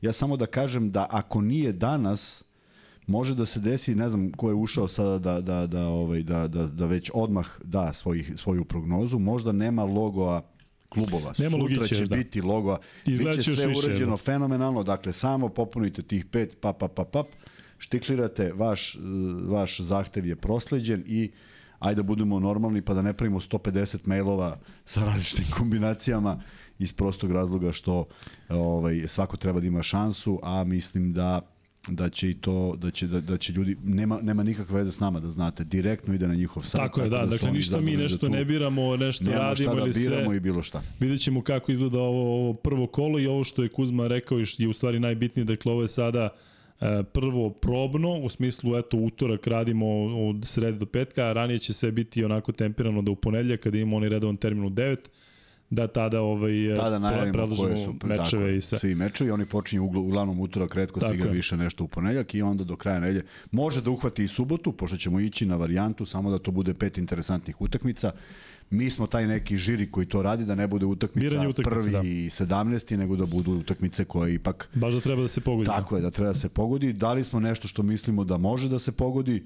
Nije, nismo želi da bude lako, nismo želi da, Da. da bude ovaj, jer mi prosto želimo da se neko malo pomuči. Ovo je drugačije od free beta. Free bet je ipak nešto što, što služi za zabavu.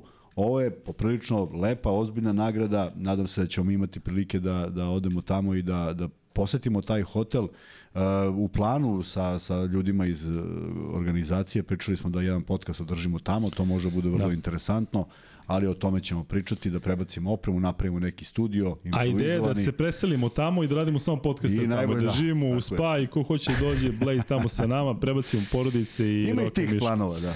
Da, e, hvala puno na lepim rečima, ima ja, jako puno divnih komentara, jako puno dobrih pitanja, ali vidite koliko ljudi u live-u, hvala puno na donacijama, tu je naravno naš Dule, Dule je jedan od tih ljudi koji navijaju za suprotni klub, ali je lepo čestitao i zaista pokazao kao i mnogi od vas kao top e, da ste zaista ovaj pre svega navijači košarke i ljubitelji košarke i zaista hvala vam puno na tome. Evo napisao je ovde e, neko fenomen, fenomenalni ste, misleći na nas, ne, vi ste fenomenalni, dakle mi smo ovde zbog vas i sve ovo što se dešava, kažem, sa posebnom emocijom i Kuzma i ja govorimo o tim nekim humanitarnim akcijama gde učestvujemo zajedno, sada ovo nešto gde ćemo se igrati svi zajedno i kažem, košarka jeste baza, ova naša opuštena priča jeste neki, neki onako da kažem, osnov svega, ali ovo sve što smo izgradili sa vama je zaista nešto što je prevazišlo sva naša Ja, očekivanja. ja moram da se nadovežem, apropo ovoga kažeš, vi ste fenomenalni.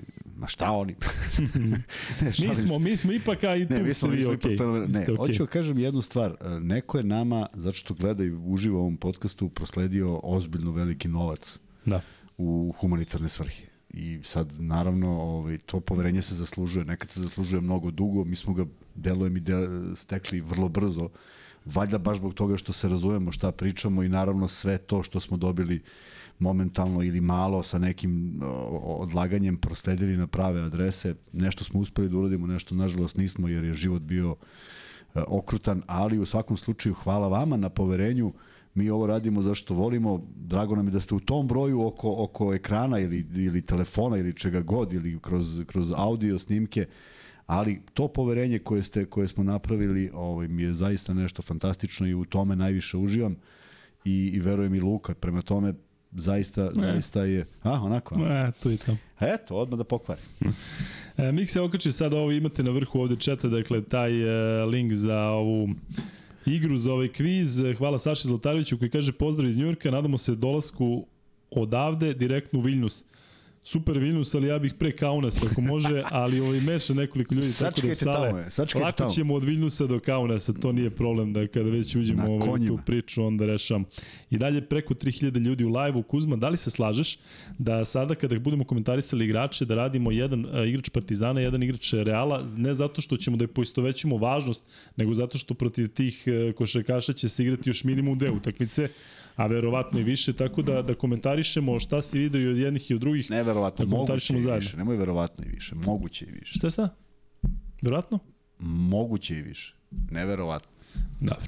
Eto, i to on mora uvek nekako pa da to nemoj, onako nemoj da ono se... verovatno onda znači sumnjaš a moguće a još se desi Biće tri utakmice, nego ja, ja znam da će biti, ja razgovarati? sam siguran da će biti tri Da utakmice, biti tri, tako da ovo, ja, to zbog tebe onako malo da, Dobro. znaš, da kao bude interesantnija serija, Dobro. pa sad kao Partizan 3-1, ovo 3-0 zakucan. E, tako da, mislim da su ljudi onako u nekom trenutku na Kevina Pantera e, reagovali negativno kada je on rekao dobijamo Real 3-0. Ja mislim da je to zaista iz čistog samopouzdanja. Ponovo se vraćam na intervju koji je dao za Euroligu tokom sezone. On je rekao mi smo došli ovde da sa ovim trenerom i sa ovakvom ekipom, govorili su oni Zek Ledej, E, rekao mi smo došli ovde da osvojimo titulu Euroligi. U tom trenutku Partizan je čini mi se imao na nekih 15 utakmica skor 6-9 ili 5-10. to je izgledalo nerealno. U ovom trenutku kada on kaže 3-0 idemo da pobedimo Real, mislim da to nije podcenjivanje protivnika, nego jednostavno on zaista veruje da je Partizan u stanju da, da pregazi kogod mu se nađe na putu. I mislim da je to dobar stav i za sada to ovaj, ide onako kako je Pante rekao. E, Kuzma, e, krećemo od Partizana i ići ćemo dakle igrača po igrača. Kada mi komentarišemo ovde igrače, komentarišete vi u, u četu da vidimo šta vi mislite o igrama pojedinca. Krećemo naravno od Partizana, prvi igrač koji se ovde namešta kao broj 1 je Tristan Vukčević, on nije igrao danas, ti si rekao da bi ga možda očekivao, ni igrao da. Danilo Andjušić, ali da. na kraju nekako to se... Uh, ok, to je izbor trenera, da. pro nije, nije ništa teo da rizikuje, da proba i to je to. E, u madridskom Realu nije igrao uh, Sergio Ljulj, imao je neke gestikulacije sa, sa klupe, ali uh, mi smo rekli da bi mogao da igra, on ipak e, nije verovatno ću smo hteo, hteo sa njim da, da rizikuje, pa mari ne, makar nešto 2-3 minuta. Neko delo da je previše džedova na terenu, ako su previše, tu Čačo, Rudi, pa sad i on. nisu u formi ni ova dvojica, tako, tako da mnogo je to... Ja ti delo da kod njih dos, došlo do nekog uh, zasićenja? Pa ja, ja mislim da su oni na nekim tim krilima uh, tog ostanka trenera, kojeg znaju već 20 godina, niko nije nov došao. Pitanje kakav bi Rusa i taj neki novi napravio. Možda da. bi želeo malu rekonstrukciju tima, možda je to nekako posledično ovo ispalo dobro za sve, ali ali stvarno stvarno deluju ovako, znaš, Rudi više ne folira kad pada, sad stvarno padne zato što da više, više mu se ne, pada ono ne, ne, da, tek radi reda, da, znaš, da ne. mora da Međutim e, do, dobio sam puno komentara i slažem se s tim. On je jedna energija, on uđe na teren i nekako svi su druga, svi igrači drugačije reaguju, znaš, čak i protivnički igrači. Tako da ima tu težinu, ali Uh, ovo što si rekao za, za Pantera, znaš, on je isporučio danas to o čemu priča. Imaš onih igrača koji su glasni kad pričaju pa se ništa ne desi, tako da uh, ja uvek podržavam to kad neko bude možda čak i malo više onako uh, nadobudniji nego što bi trebalo, ali ako isporuči ja to poštujem. Međutim, kažem, malo je takvih igrača koji su to zaista i radili. Više je bilo onih koji su jaki na rečima. E, Andrija Milović donira i kaže o Partizanu šampione. Andrija, hvala puno. Ja hoću da kažem nešto e, za ove momke koji su napravili ovu pesmu za Partizan, ovo vraćaju se dani pobede, zaista pesma sa nevjerojatnom energijom, svi e, prvotinci Partizana i Željko i svi koji su bili tu su dali poseban šmek tome, dobar onako malo tvrđi zvuk, svaka čast, dakle toj grupi JNA, ako, ovaj, eto, ako neko od njih gleda iz te e, grupe, e, Neka, se neka javi, donira i on. Da, dobit će majicu direktno, moj, moj trošak od mene, dobija Luka i Kuzma majicu, dobiju svi. Dakle, samo nas povežite, ko ih zna, nek se jave ko, kako god i momci ovaj, za to što su napravili, eto, da mi, da mi ovaj, nagradimo taj poduhvat. E, Kuzma, e, nastavljamo sa Partizanom, Zekla Day, 13 poena, Zekla Day koji je učesnik večerašnjeg podcasta. Da. Na, nažalost neviđen, ali čujen je. E, čujen čut, je. Čut, da, Čut je. Neviđen, ali čut. Čut je. Uh, Čus Mateo i Čut Zekledej. Um, 13 pojena, 4 od 7 za 2, 0 od 2 za 3, 5 od 5 sa penala, 4 skoka, 3 izgubljene, ali nekako bi se čini da je na početku meča kada je Partizan nametnuo svoj ritam, oni njegove da, bez da, koski da, i sve. Neke, neke vrlo bitne pojene, da. jeste. Iznudio mnogo faulova, jeste. podmetno se mnogo puta, to on zna da radi. Ali malo ono na kraju sa Dekom, sa Dekom da, da nije bilo da, Dek, kako vidi, treba. Dek je jako, ja, interesantno je da možda je mogo neko drugi da bude, ne Leda i pogotovo što je bio problema s faulovima. Ali desilo se tako. A tipičnost ovaj, uh, Deka se ogleda u onom šutu koji nije ni za 3 ni za 2. Pomisliš krenuo čovjek ispod koš, pod koš, a on šutnuo. Ej, ja mislim da je Ledej bio najzanađeniji na svetu, jer on je bio toliko daleko, posle one kretnje niko normalno ne bi stao da blokira šut, ali to je ta tipičnost, on je pogađao neke nevjerojatne stvari i pokazao da je majstor, zaista, osim onih otvorenih uh, otvaranja utakmice sa četiri slovna bacanja, ovo sve ostalo je bilo majestralno, u jednom trenutku su oni Panter poređeni, to je bilo, ne znam, osam skokova, uh, jedna asistencija, 21 poen, mislim, zaista ne treba trošiti reči, na svu sreću, eto koliko je značilo što on nije trojka, ta trojka o kojoj pričam, ali Lede je tu napravio kiks, treba da napravi ili ranije faul ili da ne ulazi u problem, jer je moglo da se desi da je vrlo bitno ko je na terenu. Tako da ispalo je, evo kažem, dobro, jer 3 plus 1 nikad nije dobro, ali, ali ovaj, na kraju je ispalo dobro, što je najvažnije. Međutim, van toga, odlična partija Ledeja i opet mnogo minuta na parketu. Da, Nigel Williams Goss je napravio onih, oni faul uh, na 3 plus 1 igru 27 minuta, što je za mene iskreno iznenađenje. Pa dao jeste, nema poena. ko prosto, to jeste bilo da. iznenađenje, ali, ali Kozer je stvarno isto čovjek u van ritma, ova trojica jesu, nema I u godinama, i za njega zaboravljamo, on ima 35 godina. Pa jeste, pa da. Da, dakle, znaš, nekako 35 godina Kozera... Ova trojica deluje kao da 100, nisu- njih četvorica 200. E, Williams Goss e, je imao onaj jedan jako čudan floater u nekoj kontri. ono što Jeste je izvuk ušlo- koga je Da, znači kako je ono ušlo, tako da...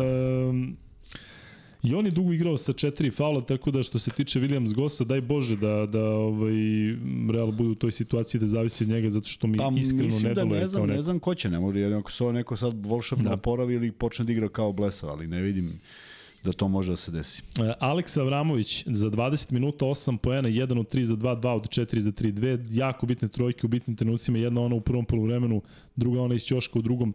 Tri skoka, jedna asistencija, e, ali opet čini mi se da Aleksa kao i Zekle Day da je u pravim trenucima radio prave stvari i Jest. da jednostavno i kod njega se kao u Panterovom posljednjem šutu vidi jednostavno da veruje pre svega sebi. Jest. I da, da nema više nikakvog straha, promašio je onaj jedan zicer, dakle ono nešto iz kontakta što je što je trebalo da uđe, ali ovaj ni na koji način ga to nije poremetilo kada se vratiš na bursu i na prethodnu sezonu, njegovu karijeru, ne, ne, nekako razmišljaš sad, sad da- drugačije, tako je. Neuporedivo drugačije, fokusiran, spreman da Tako igra, izađe, razume šta se kaže, vrati se, uradi to što treba. Svaki timeout je bio neka dobra promena, prema tome uradio je ono što se od njega očekivalo, pogodio te otvorene šuteve.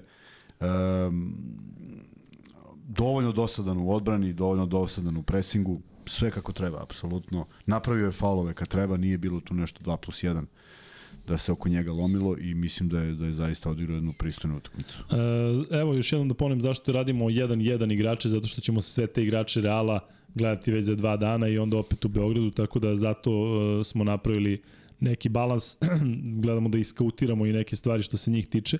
Kozeri dao tu jednu trojku Kuzma za 12 minuta, što ti kažeš i on deluje kao da nije skroz svoj.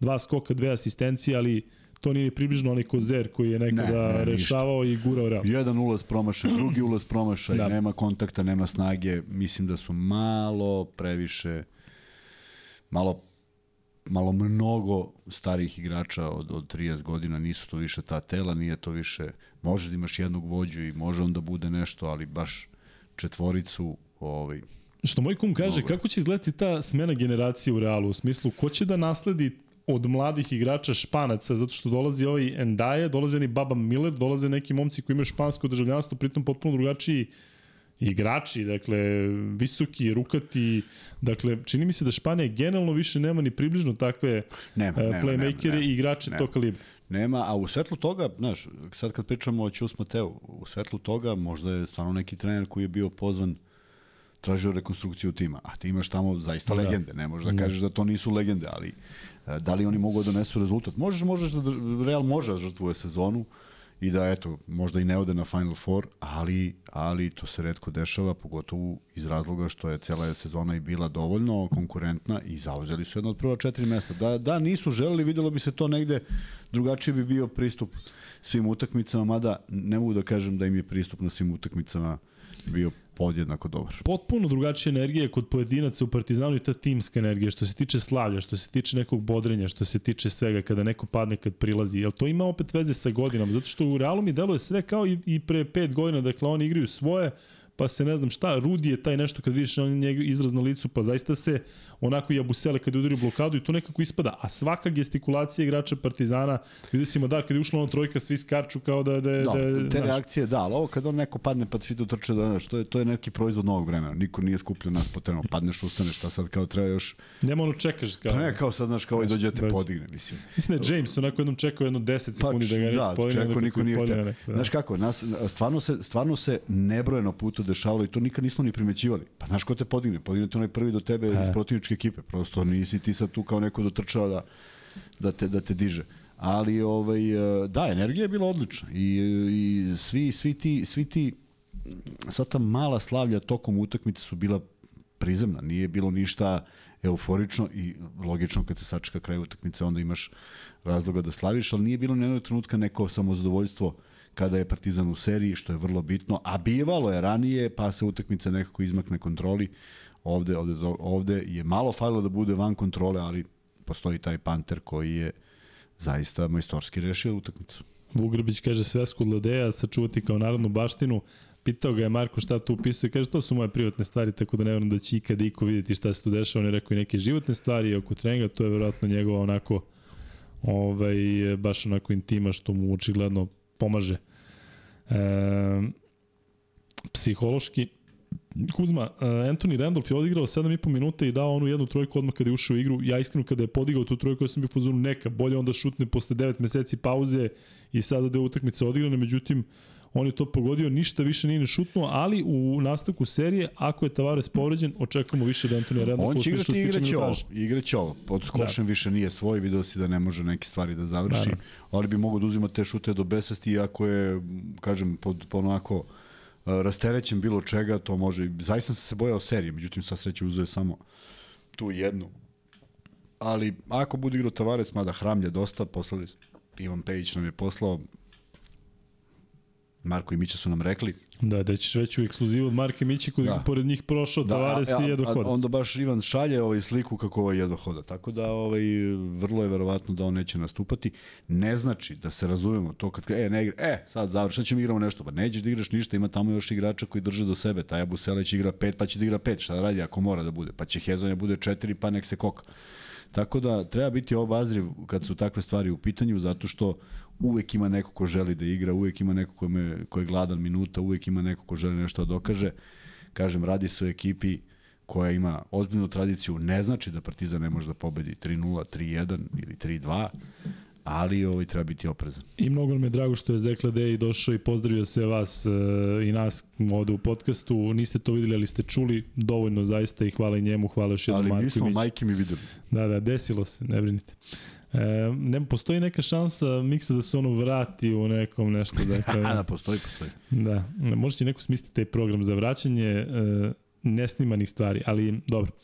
Da, Ču smo teo na konferenciji za štampu kaže da ne znaju i da ću raditi snimanje, da bi tek onda znali... Očekivano, ne može ništa kaže. Se, da, ne može da, da kaže ništa. Ali čak Tavares i ako bude tu, neće to biti taj Tavares, ali opet kažem, Partizan treba da bude spreman na bilo koju opciju, mora, ali mislim mora, da jednostavno... Je nije više to sad Tavares, kao igra Tavares se sad je Real odjednom sigurno dobija. Nije, nije, evidentno, zato što je da. od početka napadan i branjen da. i urađeno je sve što je bilo po dogovoru, tako da on je poentirao neke zaista lagane stvari, ali s tim se, s tim se igra. Bitno je bilo da, da se zatvori nešto drugo, što je Partizan dobro uradio. Dolazimo do Kevina Pantera, 34 minuta, košarkaš koji danas ima najveću minutažu u Partizanu, 26 pojena, 1 od 3 za 2, 5 od 8 za 3, I ono što se meni e, dopada, pa jednako kao i ovih pet trojki, u tri promaše 9 od 9 sa penala, da, izašla u jednom trenutku izašla i e, grafika gde on u play-offu Euroligi kroz svoju karijeru ima 95%. Dakle, taj momak očigledno da ima veliko srce i da ima i veliku, veliku petlju da jednostavno ovaj, u bitnim mečevima e, rešava. Svi znamo kakve turbulencije imao tokom sezona, međutim ono što ljudi takođe možda uh, nisu videli ili mi je promaklo. Šest Danas je Panter imao šest asistencija. Da. Jeste, tako dakle, Panter i 26 pojena i šest asistencija i koš za pobedu protiv Reala. Više. I sad, znaš, verovatno ga sad svi merkaju, verovatno ga taj Real merka, a ja mislim da je on potpuno fokusiran na Partizan, ne govorim do kraja ove sezone, nego ja zaista mislim da ne delo mi kao tip koji će možda poleti za nekom većem lovom, a, nego da jednostavno ne možda pronašao se. To možemo da, da, da, da, ja, se nadamo kad pričamo o igračima koji su ovde. Pazi, ja se nadam, tvrdim, tvrdim to, da, je, da Panter... Ovaj, onda i evo te. Ne, nego nekako imam neke, ovaj, preko Marka Vlahovića imam neke informacije. Šal na stranu, Kevin Panter je danas zaista odigrao panterski i e, rekao bih da je ovo njegova najbolja, najbolja utakmica u sezoni, definitivno u najboljem, najbitnijem meču. E, Kuzma, je li ovo sada e, za nastavak serije znak da Partizan treba da se oslanja na Kevina Pantera pre svega, treba nešto, je treba ovo njegova partija da nešto promeni? Ne, naprotiv, ovo treba bude partija da pokaže da on iz jednog iz jedne faze hibernacije od nekih desetak, 15 minuta može da, se, da, da uđe u, u, u, u, dobre, u dobre šuteve. Uh, jedan od 3, 5 od 8 je ništa. Ništa za jednog šutera, je li tako? Da. Nije to sad nešto mnogo izbačenih lopti u, tim, u tom procentu. Tako da samo treba bude strpljiv i baš naprotiv, da je sve oči kad su uprte u njega, on asistenciju. To razbija odbranu. Te njegove asistencije su donale tu pobedu. Svi su verovatno znali da će Panter na kraju da preuzme i Abusele, samo što je odreagovao kako je odreagovao, ali te asistencije su mnogo značajnije za ekipu, jer podižu ekipu, jer razbijaju odbranu i onda on u, u, u očima svih drugih sa tih šest asistencija izgleda mnogo drugačije, mnogo opasnije, mnogo raznovrsnije i ja mislim da on ima sve predispozicije da tako igra i inače. Dešavalo se da ima više asistencija od šest, pa i manje poena, ali ovde se sve poklopilo, bio je fokusiran. Uh, zaista treba, treba onako razmisliti kada vidiš njegovu statistiku sa slobodnih bacanja i reći pa kako dozvoliš onda faul i koš. Pričamo igračima koji ga čuvaju. Ili je faul pa neka da ta dva ili je, ili je koš ne diraj ništa ali očigledno da, da, da, da ne mogu da odole, da pokuše da budu suviše blizu, pa budu preblizu.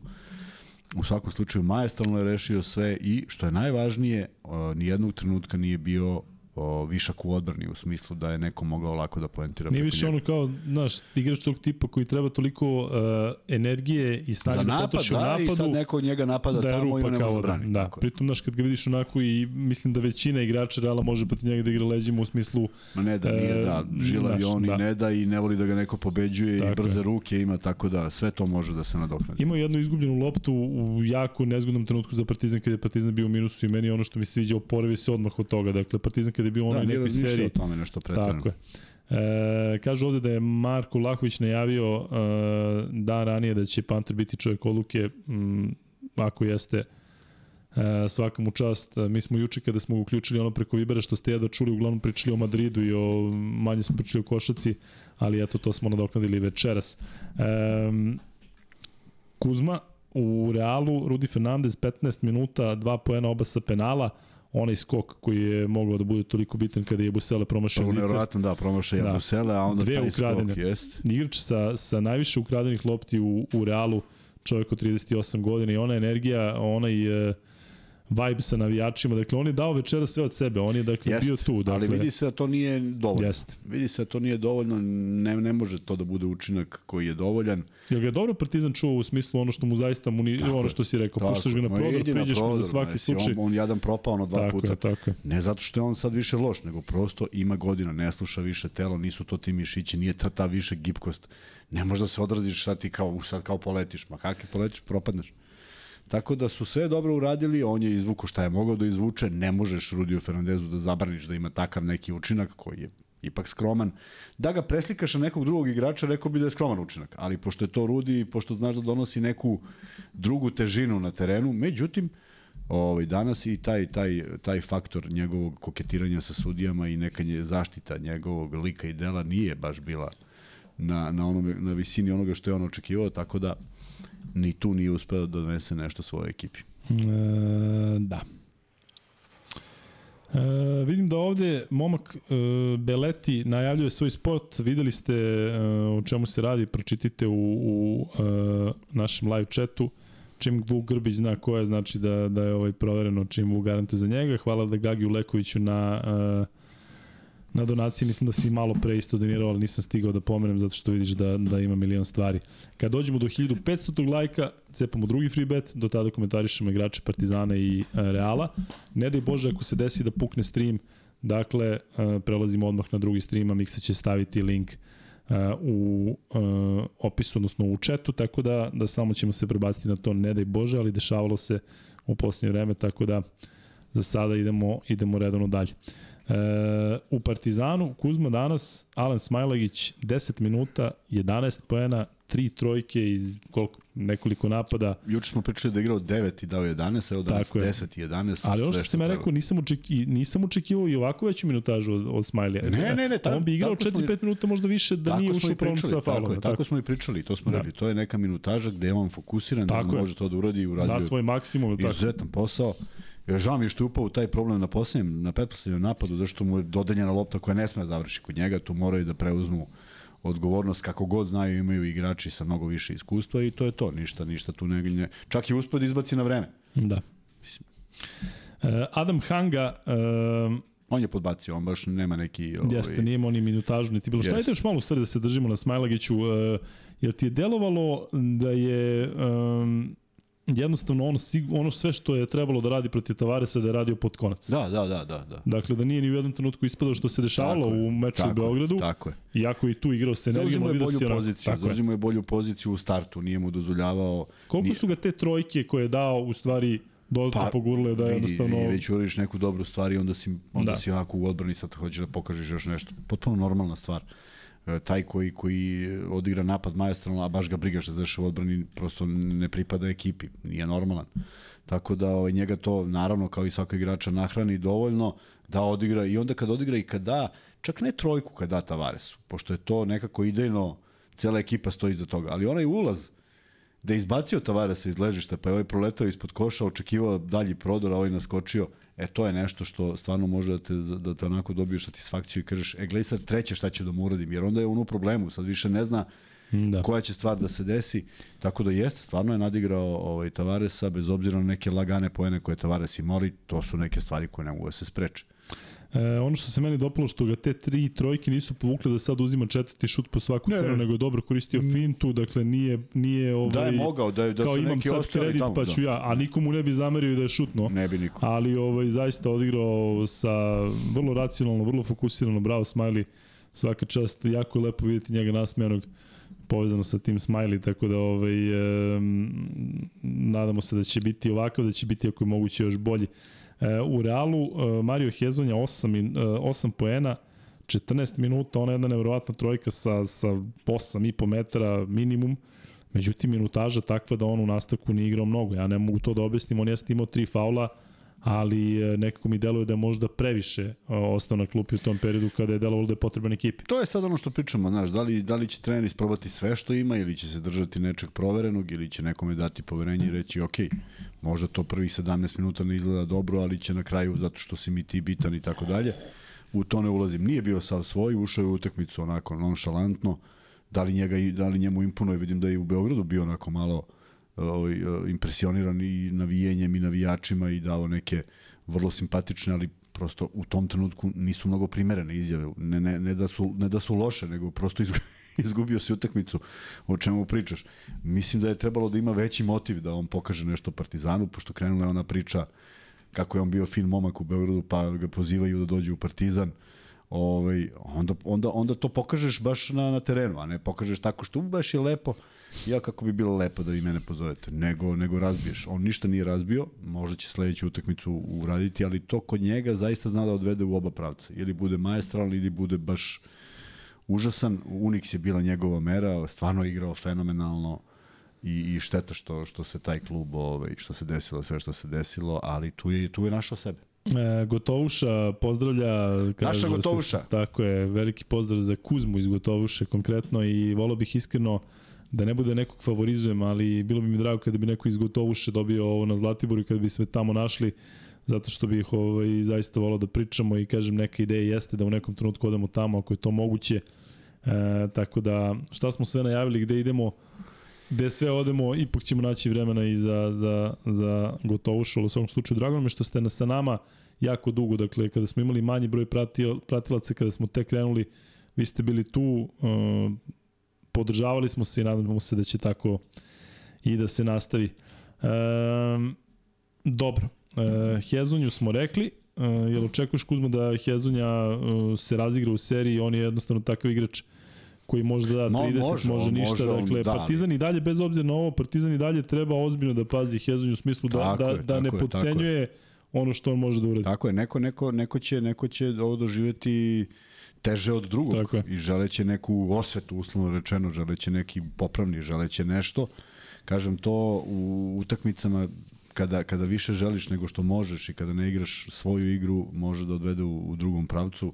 Apsolutno sam ubeđen da će igrači Reala biti prenervozni na toj utakmici, neće oni više igrati tako smireno. Ovo je bila poprilično podjednako neurotične uh, utakmice i kod jednih i kod drugih, ali sad to prelazi samo na stranu Reala. Partizan više nema šta da izgubi, ni imao ni prve utakmica sa ovim kapitalom, tek sad nema šta, ali naravno ni ovu utakmicu ne treba sad podvesti pod, e, ajde sad da, samo da se završi. Ne, pokušati da se iskoristi šansa. Ako vidiš da ne može, to će to to to prepustiš treneru. Obradović može da vidi da nema šanse da nešto krene po zlu, da se neko e, da je neko ušao u problem sa faulovima, da ti sad hoćeš da probaš neku novu kombinaciju sa igračima koji nisu igrali, sve je to na njemu, ali dok, dok postoji šansa i dok si konkurentan, a to će se znati do određenog momenta, treba probati, treba, treba ako je moguće doći sa dva sa dva, ove, dve pobede razlike. Teško se to dešava, teško se ostvaruje, ali i ovo je bilo dovoljno teško, tako da nije nemoguće.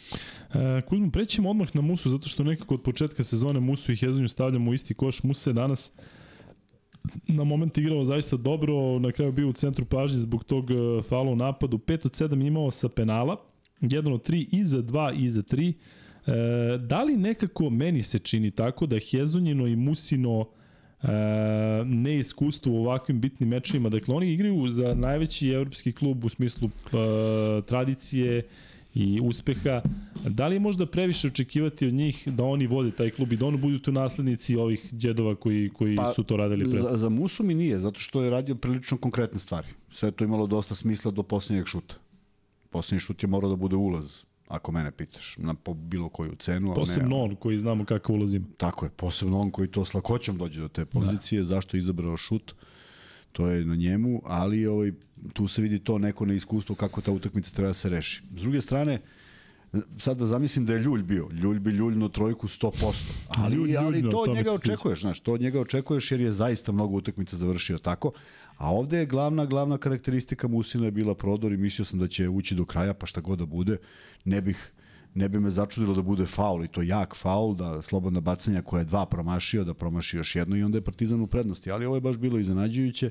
Partizan dobio dva penala, ni za šta faktički u istoj sekundi i to je možda i odredilo, odredilo utakmicu do kraja. Prema tome, uh, mislim da jesu najava, najava, pogotovo Musa, jesu najava neke budućnosti na kojima će se bazirati igra, ali nedostaje to nešto što je što je druga, pazi, šest lopti je šutno jer je sebe uveo, uveo problem i minutaže i faulova, je tako? I onda nije nije mogo da bude na svom. Ne pamtim da on baš šutira 3, 3 za 2 i 3 za 1 da, i 3 za 3 baš da mu to budu svi šutevi, ovako bio je graničan, što je bilo dobro, a u onim momentima kad je trebalo da poentira bio na liniji slobodnih bacanja, pa i 5 od 7 je neki čar, ili tako? To je dva, jedan koš Jeste, manje. za njega možda malo manje od proseka i onoga što, što pa da ali ovaj da ne možda kažeš da je 5 od 7 loše to je to ne nije loše ali je čar prosto znaš Jeste. ti znaš da on ima siguran da. ulaz i da su to neki poeni koji Jeste. su već viđeni ovako ovako si učario dva poena i super e, Željko Đorđević e, ovde kaže nešto što ćemo sada da stavimo kao pol On kaže da li bi trebalo Musa i Hezonju da dođu u Partizan, znamo da imaju zaista lepo odnosi prema navijačima i prema klubu, ali eto možemo to da pitamo ljude. Mik se stavi pitanje da li biste volili Musu i Hezonju da vidite u Partizanu i onda stavi pod A da, pod B ne, pod C samo Musu, a pod D samo Hezonju. Dakle, da li biste volili da vidite Musu i Hezonju u Partizanu, ovo što ste komentarisali ranije, jednostavno nakon onakvog prijema i nakon onakvog odnosa sa navijačima u Beogradu u tom meču e, koji je odigran, koliko sad već ima neki mesec dana, u regularnom delu sezone, mislim da treba da pričamo o ovim momcima, e, želim najiskrenije da ih dobro zaustavimo, da ih da dobro Partizan zaustavi u, u e, nastavku serije, ali da je reč o sjajnim momcima i sjajnim igračima, to je sigurno. Tako da, eto, znači A da, B ne, C samo Musu i e, D samo Hezonju, da ispalimo još jedan pol. E, čekamo 1500 like kako bismo ispucali drugi free bet. E, za koga navijate Kuzma 70% partizanovaca na 3100 e, ljudi, to je znači 2200 e, ljudi koji navijaju za Partizan. Ja moram reći da mi je zaista žao što Zvezda takođe nije u top 8, zato što bi pretpostavljam i nadam se imali tada neki zdrav rivalitet kako je evo Zvezda igra večeras, Partizan igra sutra i to je bilo divno za, za e, našu košaku, za srpsku košaku. I žao mi što, što jednostavno to smo čuli od vas kada se negde sretnemo ili kada vas vidimo na nekom događaju pa kažete e, kada Zvezda izgubi ili kada Partizan izgubi navijači jednog drugog tima kaže onda mi je glupo da gledam, ne volim da gledam. Tako da nekako ipak možda jeste prirodno u ovakvoj situaciji imamo mnogo više navijača Partizana. Idemo dalje ja sa igračima. Ja samo da pozdravim sve koji pišu na četu. Što? Šta, šta radi? E, Niš samo da ih pozdravim. Ne, ovde Miksu kao Miksa vidim da im je nešto morao da, da, da s njima ulazi ovaj, u priču. U ovom četu ovde, jel? U live četu. Pa što, šta? Ma bre, ništa, samo ih pozdravljam čovječe. E, Mix je ovde nešto objašnjavao zašto nekog banuje, zašto ne banuje, apsolutno verujemo Miksi i Mikse... Uh, Mikse morate, je posljednji bedem. Morate da znate da je Miksa ovde vrlo fokusiran u jedan noću. Miksa koji je danas vjerojatno imao tri treninga, četiri podcasta, tako da ovaj, veliki respekt za Miksu i kako se malo prenosio sa onom situacijom kada nismo ovaj, mogli da vidimo Marka... Znoj je curio sa čela, ali Miksa je da, uspeo. da, i, i kapljao je po tastaturi, čulo se onako. Ja mislim da je čak znoj, da je kapljica pogodila to pravo dugme, taj deseti klik. Um, dalje sa igračima, vraćamo se na Partizan i pričamo o Janisu Papa Petru. On je odigrao samo 6 minuta, ništa nije uradio za tih 6 minuta, ali nekako kada su ovakvi mečevi koji toliko dobro donesu, nekako zaboraviš na to. Ma ne da primetiš očekujemo, uopšte, ne, tako ne. Ne, ne, ne primetiš uopšte, pobedilo se i ideš dalje. Pokušaj da budeš bolji, pokušaj da ti 6 minuta pretvoriš u 10. Očekujemo da u nekom trenutku bude faktor koji... mm, Da. Ali da nam je rekao neko na početku sezone da će on u play-off utakmici Partizana da igra 6 minuta, a da ne bi- nije ne, povređen, jest, ne bi niko bilo to ne bi očekivao. Kao i za Andjušića. Znaš, Tako kada je, ono, tako je. razmišljao si na početku da Andjušić i pa Petrović će biti dva od najbitnije četiri igrača Partizana. Nažalost, međutim, ne, ne, ne, bude sve tako, Tako je. i zato je, zato je put bio takav kakav Jeste. jeste, ali sad je tako i sad se to koristi, nema tu sad mnogo... Bitno je da nije na štetu Partizana, odnosno Tako da je. jednostavno zna tako se zašto je to tako. Čim se pobedi, Tako to je. ide i samo ide. Sergio Rodriguez, 5,5 minuta, 0-2 za Ništa, 2, 0-1 za ništa. 3. Uh, jel očekuješ, Kuzma, sad neku reakciju Ne, tih? ne, jel, ja jel oni imaju, da on- jel oni imaju sposobnost i mogućnost? Ne, ne, mislim da ne. Mislim na, ovoj, na ovom nivou fizikalija, na agresivnost eh, Madara, na agresivnost Avramovića, na, na, na gabarit, na gabarit, eh, Gabarit. egzuma, gabarit, egzuma, nema prosto šta da traže, mogu samo da se muče i da uzimaju one šutove koji su van, znaš, Ćaćo je posljednjih x godina šutirao sa, sa 45 do 45, samo uzme kao neki šut iz ćoška. Pa može da šutne, ali teško može da pogodi. ne voliš Ćaće, ne znam Nije zašto da ne ti se zamerio nešto, jo, kakvi, izuzetno cenim zaista Što što je Lazić uradio. ulete u ne. Lazića, Klizić. Izuzetno cenim, samo mora znaš kad ti je prešlo vreme. Majke mi, mislim, ovde četiri igrača koji nisu nisu ne na svom nivou, na nivou daj nekog, daj nekog 12. Mislim, ja verujem da će neko ko uđe sa klupe da bude ima da ima bolji učinak od toga. Tako da, mnogo ih je na jednom mestu, pa sad ovo, četiri njih, četvorica njih, Randolph rekovalescent. To je pet. Pa nema ih 20, ima ih 12 danas na klupi, možda je neko sa strane. I da, i Dulju koji uopšte ne igra. Znači, te četvorice jedan ne igra uopšte. Tako da, mm, mm, mm, bit će rekonstrukcija Real Madrida, šta god Real bude uradio. E, Čača Rodriguez je jako lepo sarađivao sa Kevinom Pantonom i Zekom Ladeom u onom periodu kada su igrali zajedno u Armaniju. Videlo se da su to ljudi koji poznaju košarku i Čača je jako dobro znao da iskoristi u napadu sve dobre strane koje imaju i Panter i Ladej. I evo sada ih vidimo na različitim stranama i vidimo gde su u ovom trenutku Panter i Ladej. Ne mislim samo zbog ovog voćstva 1-0, već i zbog te neke energije. Ja Čače pamtim kao nekoga ko je zaista nosio ekipe u kojima je igrao. Čak i u toj NBA ligi on nije bio neko levo smetalo šta više u Filadelfiji se sećam da je igrao i u petorci, ali e, što kaže Kuzma stižu godine, tako da vidjet ćemo šta mogu i on i Rudi i Ljulj ako bude igrao u nastavku serije. E, u Partizanu sada stižemo do e, Dante Exuma. Dante Exum je jedan period bio nevidljiv, izgubio one dve lopte, međutim Kuzma on se oporavio na kraju, ima onih jako. Da. bitnih 2 plus 1. Na kraju njegova statistika, on je samo tri puta šutno iz igre, 1 od 2 za 2, 1 od 1 za 3, 6 od 7 sa penala i to nakon što je, ja mislim, prvo promašio, tri skoka, jedna asistencija, jel, te, jel, si, jel ti izgledalo, jel treba čovjek da se zabene kada vidi ono da izgubio dve lopte za redom, ta nesigurnost pa prelazi na klupu pa se onda vraća. Jeste. Pa jeste, nije, nije u onoj formi u kojoj je bio. Pad forme se desio, ali, ali Partizan je pobedio. I to je, kažem, ono što je najvažnije. Dobro, on je baš imao i zaista korektan učinak u ovoj pobedi. Nije on sad kao nešto, Nije znaš, nešto, ali nije ono... ono nije, što nije je, to taj Dante koji je bio na Tako, je, posljednjim tako, je, utakmicama. ali ništa, samo se po, povinuje tome, Tako je. pomiri se s tim, dobro su ga čuvali. Meni je bilo ovaj, interesantno da je ipak uspeo da obiđe Rudija u desnu stranu, pošto ako vratiš film, pogledaj kako je, kako je Rudi izlazio. Stalno je izlazio i zatvarao u startu desnu, pa se on stuštio na levo, pa je promašio, ali prosto to je bila direktiva, međutim, eto, te vrlo bitne poene, koš i faul, on daje baš Rudiju ovaj, posle ulaza. Da je Rudi pravi najneviniju facu na svetu, ali prosto ima takvu njušku da jednostavno sudija mu ne bi poverovao nikad. Kako se to pre, prevodi na španski? Rudi ima takvu njušku, a? Pa naći negde na Da. Google Translate, Mislim on je, da, to, to je odličan prevod. Uvijek, uvijek, odličan uvijek prevod. dobar, da. E, dolazimo do Gebija Deka. Mali od palube, 24 poena, 8 od 8 za 2, 0 od 1 za 3, 8 od 11 sa penala, 8 skokova, asistencija, ukradena. da. E, ranije je, je izašao neki podatak, mislim u onom njegovom prvom mandatu u Realu, e, neki neverovatan podatak koliki broj njegovih šuteva iz igre ide u tablu. Dakle, on sve što ide na koš iz ulaza, gađa u tablu i on uvijek gleda napada u desnu stranu i da kažeš nekako očekuješ od njega takve stvari, a opet ga je toliko, toliko teško čuvati. Jeste. I zato što je atipičan potpuno. Jeste. Njegove kretnje su malo, malo van, van onoga što poznaješ. Njegov onaj naskok preko Lesora ili Ledeja, preko koje je šutno na lopta ulazi kao kap.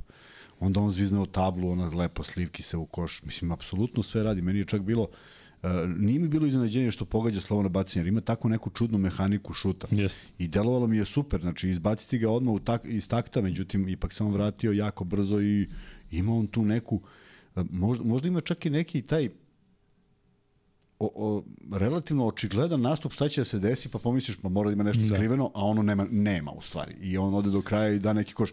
Pa ono, ono kad se stuštio na kraju treće četvrtine, tako bilo? Pored, uh, pored Nanelija, kad je bio faul i Madara. Pa kako bih ti rekao, svima deluje da će to da se desi, ali Jeste. očekuju neki, neki geg, nešto. Ne, on ode do kraja i stvarno se to i desi, iznudi faul. Pogodio je slovo na bacanja, pogodio je posle sve, dao je to bacanje koje je držalo Real ne samo u igri, nego u vođstvu. Tako da, apsolutno, ovaj, neko ko neće dozvoliti taj sledeći poraz, učinit će sve što može, mada ja mislim da i danas učinio manje više sve što može, s Da, da, da je šutirao bez, bez greške. Baš se izdvojio u, Tako u. Realu. Tako je. E, jel grešim ja Kuzma? Mislim, grešim, ali je me, kada bih morao da ga uporedim sa nekim tako atipičan sa tom tehnikom šuta, ili vidiš neke sličnosti između njega i Bodirogi? Malo u, u nemanju luka i Tako tog, je, tog da, da, izbačaja jest. koje... Da ne mogu da daju bez kosti. sporine, i sporine, Jest, a nisu jest, brzi ni jedan ni drugi. jest. Ali da, i ovo je, ovo je mogao da da kako god želiš, samo što je imao lepše kretnje. Gde kad uradi nešto, to ispadne dobro, zato što je postigao koš, ali Bodiroga se kretao lepo i mnogo, mnogo, mnogo više talenta ima. E, u Partizanu stižemo do uh, Jamesa Nanale koji je igrao 20 minuta, dao dva poena, tri trojke šutnuo, tri promašio, šteta za onu koju je pogodio, ali je Poništen, faul zaista da. bio ranije, dakle Jeste. ta je bila odluka na mestu. E, ali tih 3 plus 2 Partizanu um, bi to mnogo značilo u tom trenutku, ali kažem sada se zaboravlja. Dve asistencije imao Nanali, ja i dalje tvrdim Kuzma da će Nanali dati e, bitne trojke kada to bude e, potrebno u nastavku sezone. E, ne treba da brine to što što danas i on poput Exuma bio na momente nevidljiv. Nema. Nema. Uh, nema zato što, zato što je, kažem, završeno je kako je završeno i odradio neki dobar deo u odbrani, ali nedostajali su njegovi poeni. Nedostajala ta neka sigurnost, mada ovaj, nije, ne, ne meri se sve kroz taj učinak, samim tim što je proveo 20 minuta na terenu, na parketu, to dovoljno govori. Tako da, uh, sve ono što pričam, kad kažem potrebna je ta neka podrška, zamisli sad da je on samo u nekom svom ispod prosečnom momentu je on od tih tri trojke pogodio jednu Da. da je od dve dvojke dao jednu. Dakle, govorimo o nekim najbanalnijim stvarima koje on može da uradi. A, nije, nije ovo bilo njegovo veče, nije on bio neko ko je odskočio, ali odradio je posao 20 minuta na parketu, ne možeš da budeš bez razloga, a da rezultat funkcioniše. Um, zanimljiva statistika Matija Salasora koji je danas radio zaista dosta dobrih stvari. U nekoliko navrata ispada u odbrani e, kao da nije bio svoj kada je ušao u igru kada je zamenio Smajlagića. Međutim, i oni Smajlagić imaju isti broj poena. S tim što Lesor ima svojih 11 poena za 30 minuta, Smajl je to odradio za 10. Ali nekako su ti Smajlagićevi poeni, svih pamtimo, tri trojke, dakle nekako ti ostanu upečatljivi, ali Lesor je danas odigrao jako bitnu ulogu Dakle, e, mislim da ga je ona blokada koju je udario, da ga je onako pokrenula. E, tri skoka, jedna asistencija, jedna ukradena, dakle, Lesor... Malo je skoko, ali vrlo bitnih u nekim Jest, momentima jest, jest. kada je to Posebno bilo... onaj prvi u napadu, Tako onaj koji je pokupio kada je Partizan nešto Tako baš je, trebalo tada. Tako je. Opet je našao neka rešenja koja njemu nisu svojstvena, ono uručenje kada izfolira pa se okrene, zbuni apsolutno sve. Presečena lopta Tavaresu i pravo se stušti na Jest, koš, jest, dakle on jest. to radi bez nekih ovaj, mnogo, mnogo razmišljanja, jednostavno vidi obruč, zaleti se i skoči.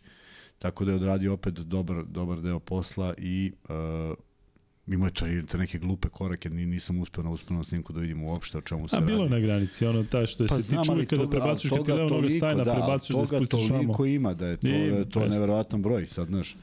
Tako da ovaj e, odličan učinak njegov ne ne u skokovima na onom nivou na koji smo navikli, ali igra se protiv Reala, igralo se uh, u jednom momentu i u dobrim procentima, pa i nije bilo mogućnosti za neke skokove, ali zatvoren reket, velika borba, puno iznuđenih falova, on ima 5-6 iznuđenih falova sigurno. A? E, pa kao i obično, Lesor e, ima veliki broj iznuđenih faula, na kraju, dobro si prepoznao, čak više sedam. 7, pa eto da. Da, je. šest ima Tako. Panter, on ima sedam Tako i je. Exum ima sedam. Tako je. E, Lesor čini mi se, uspeo da se potpuno povinuje timu, dakle znamo koliko je nosio Partizan na svojim leđima tokom godine. I moram priznati da sam očekivao da će možda na krilima toga da ga nešto povuče, energija i dalje tu, spreman da radi sve što je potrebno za ekipu, tako da nadamo se da će tako biti i dalje. E, u Realu stižemo do Valtera Tavaresa, teško je komentarisati. Ono kada teniseri predaju meč, pa znaš, nekako je teško da komentarišeš bilo šta što se tiče pobede, ali on je igrao svoje 5 od 6 za, za 2, 12 poena, 5 skokova i onda ta povreda. E, šta će biti u nastavku serije, ne znaju još uvijek ni u Realu. da. Ali Real mislim da da jednostavno bez Tavaresa uh, Bez Tavaresa mnogo su da menja. loše i ti moraju da promene, to sad zavisi šta može trener da uradi, ali ne otpisivati čak i ako i ne bude igrao u Nikako, samo biti naravno. samo biti fokusiran zato što nije ovo mnogo lošije izgledalo nego dok je Tavares bio na parketu, Da. snašli su se prema tome ima tu igrača koji znaju da odigraju i, i, da, i, da, i, da, i da naude. S druge strane, pričamo o, o ovome mm, Levako, kako se zove? Randolph. Randolph, da je uzeo još tri šuta, možda stvarno možete poremeti. Nije srećom, ali on sutra nema šta da izgubi. On Da. je nije u nekoj formi, što bi se on kokao dole, izađe, opali, da i, i, i unakazite bez veze. Tako da treba biti oprezan jer e, i taj Musa ima svoj svoj ovaj karakter e, kakav god kako god labilan bio Hezonja nikad ne zna šta će da se desi Naravno. ali čovjek koji želi da pobedi Jabusele kojem je mnogo kojemu je mnogo stalo da da da pobedi video si onu reakciju kad je stigao Lesora onom rampom i Jeste. one gestikulacije Ima nešto između njih, vjerojatno Da, i da, zbog da, da. francuske Pa da, veze i ostalo. Pa da, tako da, znaš, ima tu mnogo ljudi koji žele da pobede, tako da treba biti spreman, veliki kapital Partizan ima, ali ne prosuti ga sad nekom neodgovornom utakmicom, ne sad ono kao ba- baš nas briga. Ne može baš, baš briga, zato što mora da pokažeš šta će se desiti u trećoj utakmici ako se nije desilo u drugoj. Ali imaju dovoljno da se odmore, da malo da se malo provesele, imaju puno razloga za to, ali ne preterivati iz prostog razloga što to niti Obradović dozvoljava, niti je to nešto u ovako kratkom periodu između utakmica potrebno. E, Miksa, da ne zaboravim, molim te da onaj opis stavimo, odnosno link za Zlatibor u opis podcasta, da Tako je, ljudi da, da. imaju ono, on link. Kao prvo. Oni koji ne gledaju, ne gledaju u live-u i zaista treba da bude kao prvo. Uvek zaboravimo, odnosno nekada i ne kažemo uh, one stvari koje su bitne, ali subscribeujte se. Kako stojimo sa subscriberima? Kuzme smo prebacili? U, Dva- znaš koliko ih ima? 20.500. Jer smo taj mini jubilej prebacili. A, da, da, da. Lajkovanje, dakle kažem, još malo nam fali da stignemo do uh, 1500 lajkova, pa ćemo onda ispaliti drugi free bet. Što se tiče subscribera, 20.554, da. 20.554. To smo pokidali onda večeras i A to, znaš koliko je jutros bilo? Uh, pa za jedno 100 manje, a? Pa ja mislim tako nešto. Ono što si im poslao je otprilike tako. 554 je sada. Mm, Da. Evo, bilo je, bilo je 470. Vidiš? Ti. 80 ljudi. Top ide da spava, top je lepo spava i čujemo se uh, što se tiče ovih ostalih stvari, sve što treba da povedem sam, lajkujte, subscribeujte, šerujte, šeruj. A, da. Paypal, podržite nas ako hoćete, A, Kuzma. da, može ovaj, i tako. Kuzma posetite- obraduje PayPal. Mi volimo posetioce na Instagramu, možemo lako da komuniciramo. E, Instagram, bravo. Ko sam Ovaj, mentor. pogledajte malo storija koje smo nap- napravili, to je sad sa onim isečcima koje a, a, pa, Pantić Aca u, iz Amerike koji nam vodi TikTok u radio. I tako ima svašta nešto, a ovaj a, mislim da će biti neko iznenađenje i u, i u prodavnici od 1. maja ćemo neke cene da ovaj, redukujemo da Da budu obaramo. povoljnije prolećne. Jedino Da, mi obaramo cenu, to je nevjerojatno. kad kod nas nema inflacije nikako. E, šta nam je donao ovaj podcast? Donao nam je toliko divnih ljudi, toliko dobrih Pa saradnji. si Ono Smoki nam dono juče. Oni što sam ja vodno kući, tako? A odo si kući? Taman Da. sam teo, da. A mančmelo i mančmelo si od. Da, da, sve sam odno, da. Uzeo čovjek, Ništa idemo večer, pojeo. idem posle kod tebe. Dakle, da.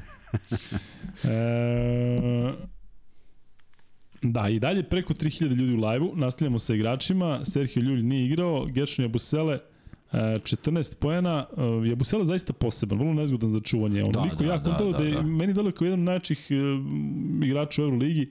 On je u Bostonu imao svoju ulogu, ja poštujem te igrače koji, koji odu, evo recimo taj dek se nije vidio u NBA ligi. Imate još tih primjera povratnika u Real, a dajemo opet primere još neki koji su trenutno u Euroligi i vratili se u Evropu, koji su zaista otišli sa velikim ambicijama i vratili se sa jako lošim uh, iskustvima, međutim on je tamo imao imao svoje svoje mesto. E, Kuzma, um, je Busele ili sada i njegova uloga mnogo drugačija u slučaju da Tavares ne igra ili igra Da, manje? da, da, da. Prvo, prvo on je, on je unao promenu u igru. On je ovaj, neko ko je vodio Real ipak u tom egalu konstantno želeo, promašivao, svašta radio, ono, ono, je, ono je bio ispod koša pa se zbunio, ne, nije znao na koju stranu, neće se to dešavati baš često. A, željan je a, triumfa, željan je pobede i stvarno može da bude najozbiljnija prepreka i videlo se da je to ta razlika koja je možda Realu nedostajala za drugačiji rezultat u Beogradu. Partizan je to uspeo da neutrališe, mnogo je lakše kada on ne igra, ali ako je dek na 4, on na 5, to apsolutno može da odgovara uh, formaciji Partizana, prema tome nije nije lako igrati protiv njih. Uh, Randolph je tu, vidjet ćemo kako će izgledati ostatak ekipe i ja ne verujem da će Ćus Mateo igrati sa ovolikom velikim brojem igrača jer nije se nije se ovaj proslavio. Ne znam u kakvom stanju taj Corneli, ali ako je on danas ne, bio 12... Nije bilo, ma da, pa pitanje. E, ne verujem da nije da bio zašto je, zašto je zdrav. Da. I da imamo Hezonja, od njega će se očekivati mnogo, bit će oči uprte u njega da vidimo da li može da, da, da, da nešto promeni. A, Tako da, mislim, poznato je šta, šta Partizan može da očekuje. Samo je pitanje u kom izdanju. Nismo videli nikakve iznenađujuće odbrane, nismo videli nikakve rotacije spektakularne, nismo videli promenu odbrana. Sitno nešto, baš da. onako. Tako da, ne verujem da će se nešto mnogo menjati. A e... mora da se promeni pa da imamo od čega je napravljen Ćus Mateo i šta ima da izvuče iz rukava. Da, ali opet mi kažem, ne da sad Ćus Mateo treba nekom svojom genijalnošću da iznenadi Željko Bradovića. Mislim da ovaj sve koje god karte pokaže da Željko na to ili već ima odgovor ili će tokom utakmice uspeti da se adaptira. E, kažem, ta nek, to neko iskustvo, ta neka energija, ta neka, hari, nekakva harizma, mislim da Željka zaista, i opet da ne bude da ga poredim sa Ćus Mateo, mislim da ga stavlja iznad uh, svih trenera Euroligije, iznad, ajde da kažem, većine sigurno, uh, i to prilično, tako da um, samo nek se nastavi ovako što se mene tiče, u tim završnicama mnogo imam više poverenja i u odbrani i u napadu šta će Željko da uradi njegove minijature nego šta će Ćus, Ćus da, da, da smisli. Vozdrav. Uh, Vozdrav. Kuzma, Jamadar, e, danas zaista nevjerovatna energija, potpuno čudno da ne igrao dve i po četvrtine, pa onda ušao i praktično igrao do kraja. Da. Ono kada je ostala ona petorka na terenu, kada je Panter rešavao i kada je pogodio koš za pobedu, ja sam iskreno očekivao da će Aleksa biti tu, ali on nije bio tu. Madar je pogodio na dve trojke nevjerovatan način u smislu... Pogodio je i nahranio se tim pobocima i video si kako je leteo u odbrani. I zaslužio on, on je, znaš, Jeste, i malo je, malo je, ovaj, ne malo je, nego video si da je svaki put on bio na nekoj blokadi banani, jeste, jeste, lopte, da, dva puta čak mu jednom sviran faul, sviran faul, faul egzumu ili već kome, naneliju, a on je onu tako blokadu je, sa leđa, dakle vidi se i kod njega tako da zaista da imao, puca. imao tu energiju i neka je imao samo, samo, pazi, ima i tu neki, neki razlog tog ulaska. Prvo, ovaj, znaš, sigurno, sigurno se nije desilo spontano. U smislu on sad očekivao, ovaj mu rekao, je, znaš, ući ćeš u sedmom, pa on ne uđe u 27. Ne, nego verovatno postoji neka, neke, nešto što on prati na terenu, što mu nagovešta da može da uđe i kad uđe, ajde sad pokaži. I stvarno je pokazao. Nisu to bili Jeste. precizni šutovi, da se razumemo. Ali je lopta završila u košu. Da, ili ono, Danas ja mislim da ono mekano. Ono, delo je mekano kad se onako odbije. Ma da oni obruči, ne, ona, tamo ona prva, ona prva je delovala kao da je da, iz dvorane. Jeste. Pa se vratilo. Ali, ali kažem, i to treba zaslužiti i eto, posle prve je zato i šutno drugu, ko veli ajde, ako je ona prva, druga je ušla skoro pa isto. Tako da ovaj to su vrlo bitni poeni na ovakvoj utakmici. Trifunović smo komentarisali, želimo da. mu naravno da Da, želimo uh, da igra već sledeću, želimo da da cepa da igraš odbranu, više, želimo odbrana, da tako, tako je, želimo da krene ulaz, želimo da izvede slovno bacanje, želimo da šutne sam trojku, ali u nekim boljim momentima, boljim situacijama, ne treba ih izlagati nečemu što on i Smiley jer jer vrlo lako im se to okrene u igri. Vi, vidno se okrene ako nešto ako nešto urade loše. E, evo ga ponovo Donir Andrija Milović i kaže šta se to danas značajno, na današnji dan značajno desilo u istoriji Partizana. Ti si prošle godine kada smo radili pa da. podcast rekao zašto je 20 i... Pa da, zato što je Kecman tako je dao trojku. trojku. Tako da nekako se sve uh, poklopilo večeras da ovo bude zaista slavljeničko veče uh, za Partizan. I dalje 3000 ljudi u lajvu. E, prošli smo sve igrače. Musu, u Musi smo pričali, ajde da kažemo za kraj da je dao 10 poena, da je imao, da, prošli smo Musu, nema šta, ali što se tiče timske statistike, Nije baš, Realovih, ne, nije baš neka. Realovih 7 u 22 za 3 je premalo kad oni igraju kod kuće. Jest, kako da. ne. Dakle, kako ne. 24 u 42 je ok, procenat blizu 60%, 18 u 25 sa penala. Real ima odnos skokove asistencije 35-16, a imaju ukradene, ukradenih 5 na 7 izgubljenih. A pazite sad ovo što se tiče Partizana, to je mene što oduševljava, ta slobodna bacanja gde zaista Partizan je fenomenalan i na ozbiljnom uzorku ima ozbiljno visoke procente, 24 od 27, 89% fenomenalno. Jest. Pritom je Trifa promašio jedno na početku, promašio je uh, Dante jedno na početku i Lesor je promašio Sve jedno, drugom su, sve ostalo su pogodili. Pa evo sad piše jedan, pi- piše jedan, sve se momka Boriše što smo ga sreli na utakmici. Kako ne, pitao je ovde da prokomentarišemo E, e, u onom periodu kada nismo, ovaj, 21 sekund kada nije E, bilo da, faulova. da, ja i sada, znači ti, ti imaš, uvek imaš izbor da napraviš faul i da budeš ti taj koji odlučuje. Na kome da napraviš faul u Partizanu u završnici? Prvo znaš da će lopta doći do Pantera, koji nije promašio. Ok, imaš 14 sekundi sad svojih. A koliko tebe da izvede penal? I to je ozbiljan problem. Dek je pogodio sva, ali je promašio. Musa je promašio dva od posljednjih četiri. Pa je bilo rezona da Partizan pravi faul?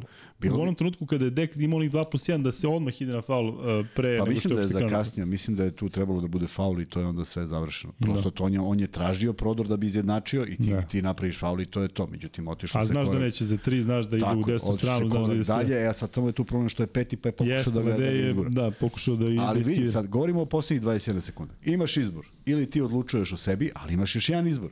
Na 14 može i ovaj da reši da odluči o sebi. I onda imaš još jedan, pa onda može još jedan, može u nedogled. Ali uh, moraš da znaš čime barataš, kakvi su ti igrači, koliko su sposobni to da urade i zaista mislim da Partizan je možda i izašao na teren sa idejom da će biti faula.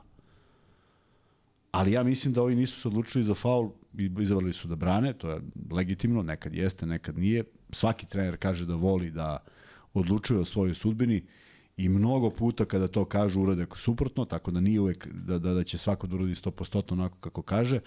Bilo je logike da se pravi faul, ne mogu da kažem da nije, ali bih morao da nađem na kome. I možda je pravi moment bio na Lesoru koji je držao loptu predugo.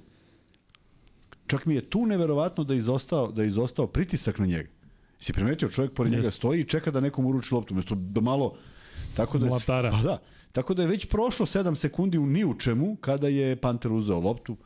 Pa onda je moglo i da se napravi, ali pitanje je da li imaš timeout, pa s koje polovine krećeš, pa ko će ove, ko, ko ima timeout, ko nema i tako dalje. Nisam toliko ušao u sve to, ali ovaj, pričali bismo ovde da je Panter promašio koš, pričali bismo da, dobra odluka Jeste. Reala što nije pravio. Da, da, da. Mislim, Svi su znali da će svi Panter... su znali da, da, tako da. E, Kuzma, Partizan imao samo dve ukradene lopte i 10 izgubljenih, ali opet se to nekako nije videlo, nije uticalo Kad na neki sakriješ ritam na utakmici, pobediš pola koša, izgubiš se Jeste. 10 izgubljenih, dobro si sakrio. Prema tome, Partizan je na minus 8, da. a Real je na minus 2. da. Ali e, Partizan imao i manje asistencija, Partizan je imao manje skokova, ali Kevin Panter, šta da vam kažemo, danas je zaista odigrao ovaj, šmekerski, nema šta. E, Kuzma, to je to što se tiče igrača. Mi nećemo raditi sutra. Dakle, plan je da radimo u četvrtak redovno. Radit ćemo naravno posle meča i u petak ćemo raditi, ali malo ranije nego inače, zato što e, Miksa i 99 yardi e, Miksa tada ima NFL draft, vi ćete, ta, radit ćeš live, tako Miksa? Da, tako da ćemo samo da se zarotiramo, oni će imati ovaj grobarski noćni termin, a mi ćemo raditi ovaj ranije, naravno posle. Vidjet ćemo za petak u stvari kada.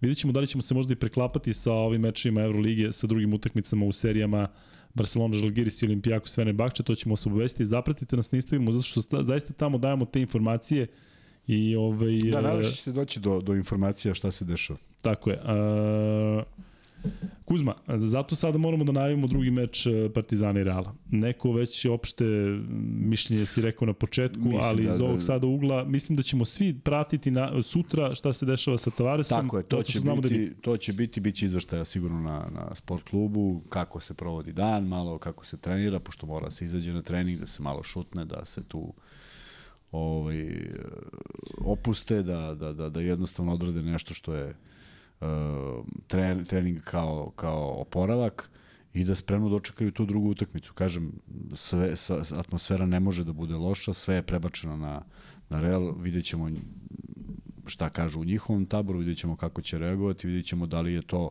preko noći postala moćnija ekipa, da li su se sabili, pošto znaju to da urade, da li nemaju snage za to, pošto ovo što komentarišemo i što smo gledali od, od 12 igrača, pet nije dobilo prelaznu ocenu, dvojica nisu igrali, pet, još trojica nisu, nisu bili primećeni, što je za jednu seriju uh, četvrt finala premalo premalo. Ono što smo stalno pričali o Partizanu da uvek je potreba neko, zamisli samo kažem Nanelija u svojim ispod prosečnim brojevima, ali nekakvim brojevima, zamisli još jedan poen ovde, jedan poen onde, to mnogo znači, a statistika im ne ide na, u prilog s obzirom da ima 10 izgubljenih lopti na dve osvojene, to znači da si inferiorniji, a pobeđuješ utakmicu. Prema tome, mnogo dobrog je urađeno, očigledno, mnogo, mnogo prostora zatvoreno, mnogo igrača, mnogo faulova napravljeno u krajnjem slučaju, mada vidim da je više slobodnih bacanja ovaj, izveo Partizan, ali to je sve jedna legitimna stvar i deo taktike za koju mislim da Obradović može da bude zadovoljan kako su igrači sproveli. Šta će biti zamišljeno za sledeći put? Mislim identično. Ne verujem da će Partizan odstupati od bilo čega.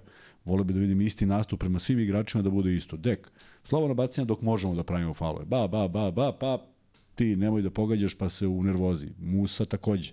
Ne dozvoliti mu da le prša. Hezonja, sada ga pritisnuti, ubaciti ga u neku nervozu ne dati njemu, jer on sad, sad imaš one koji hoće sad nešto da dokažu.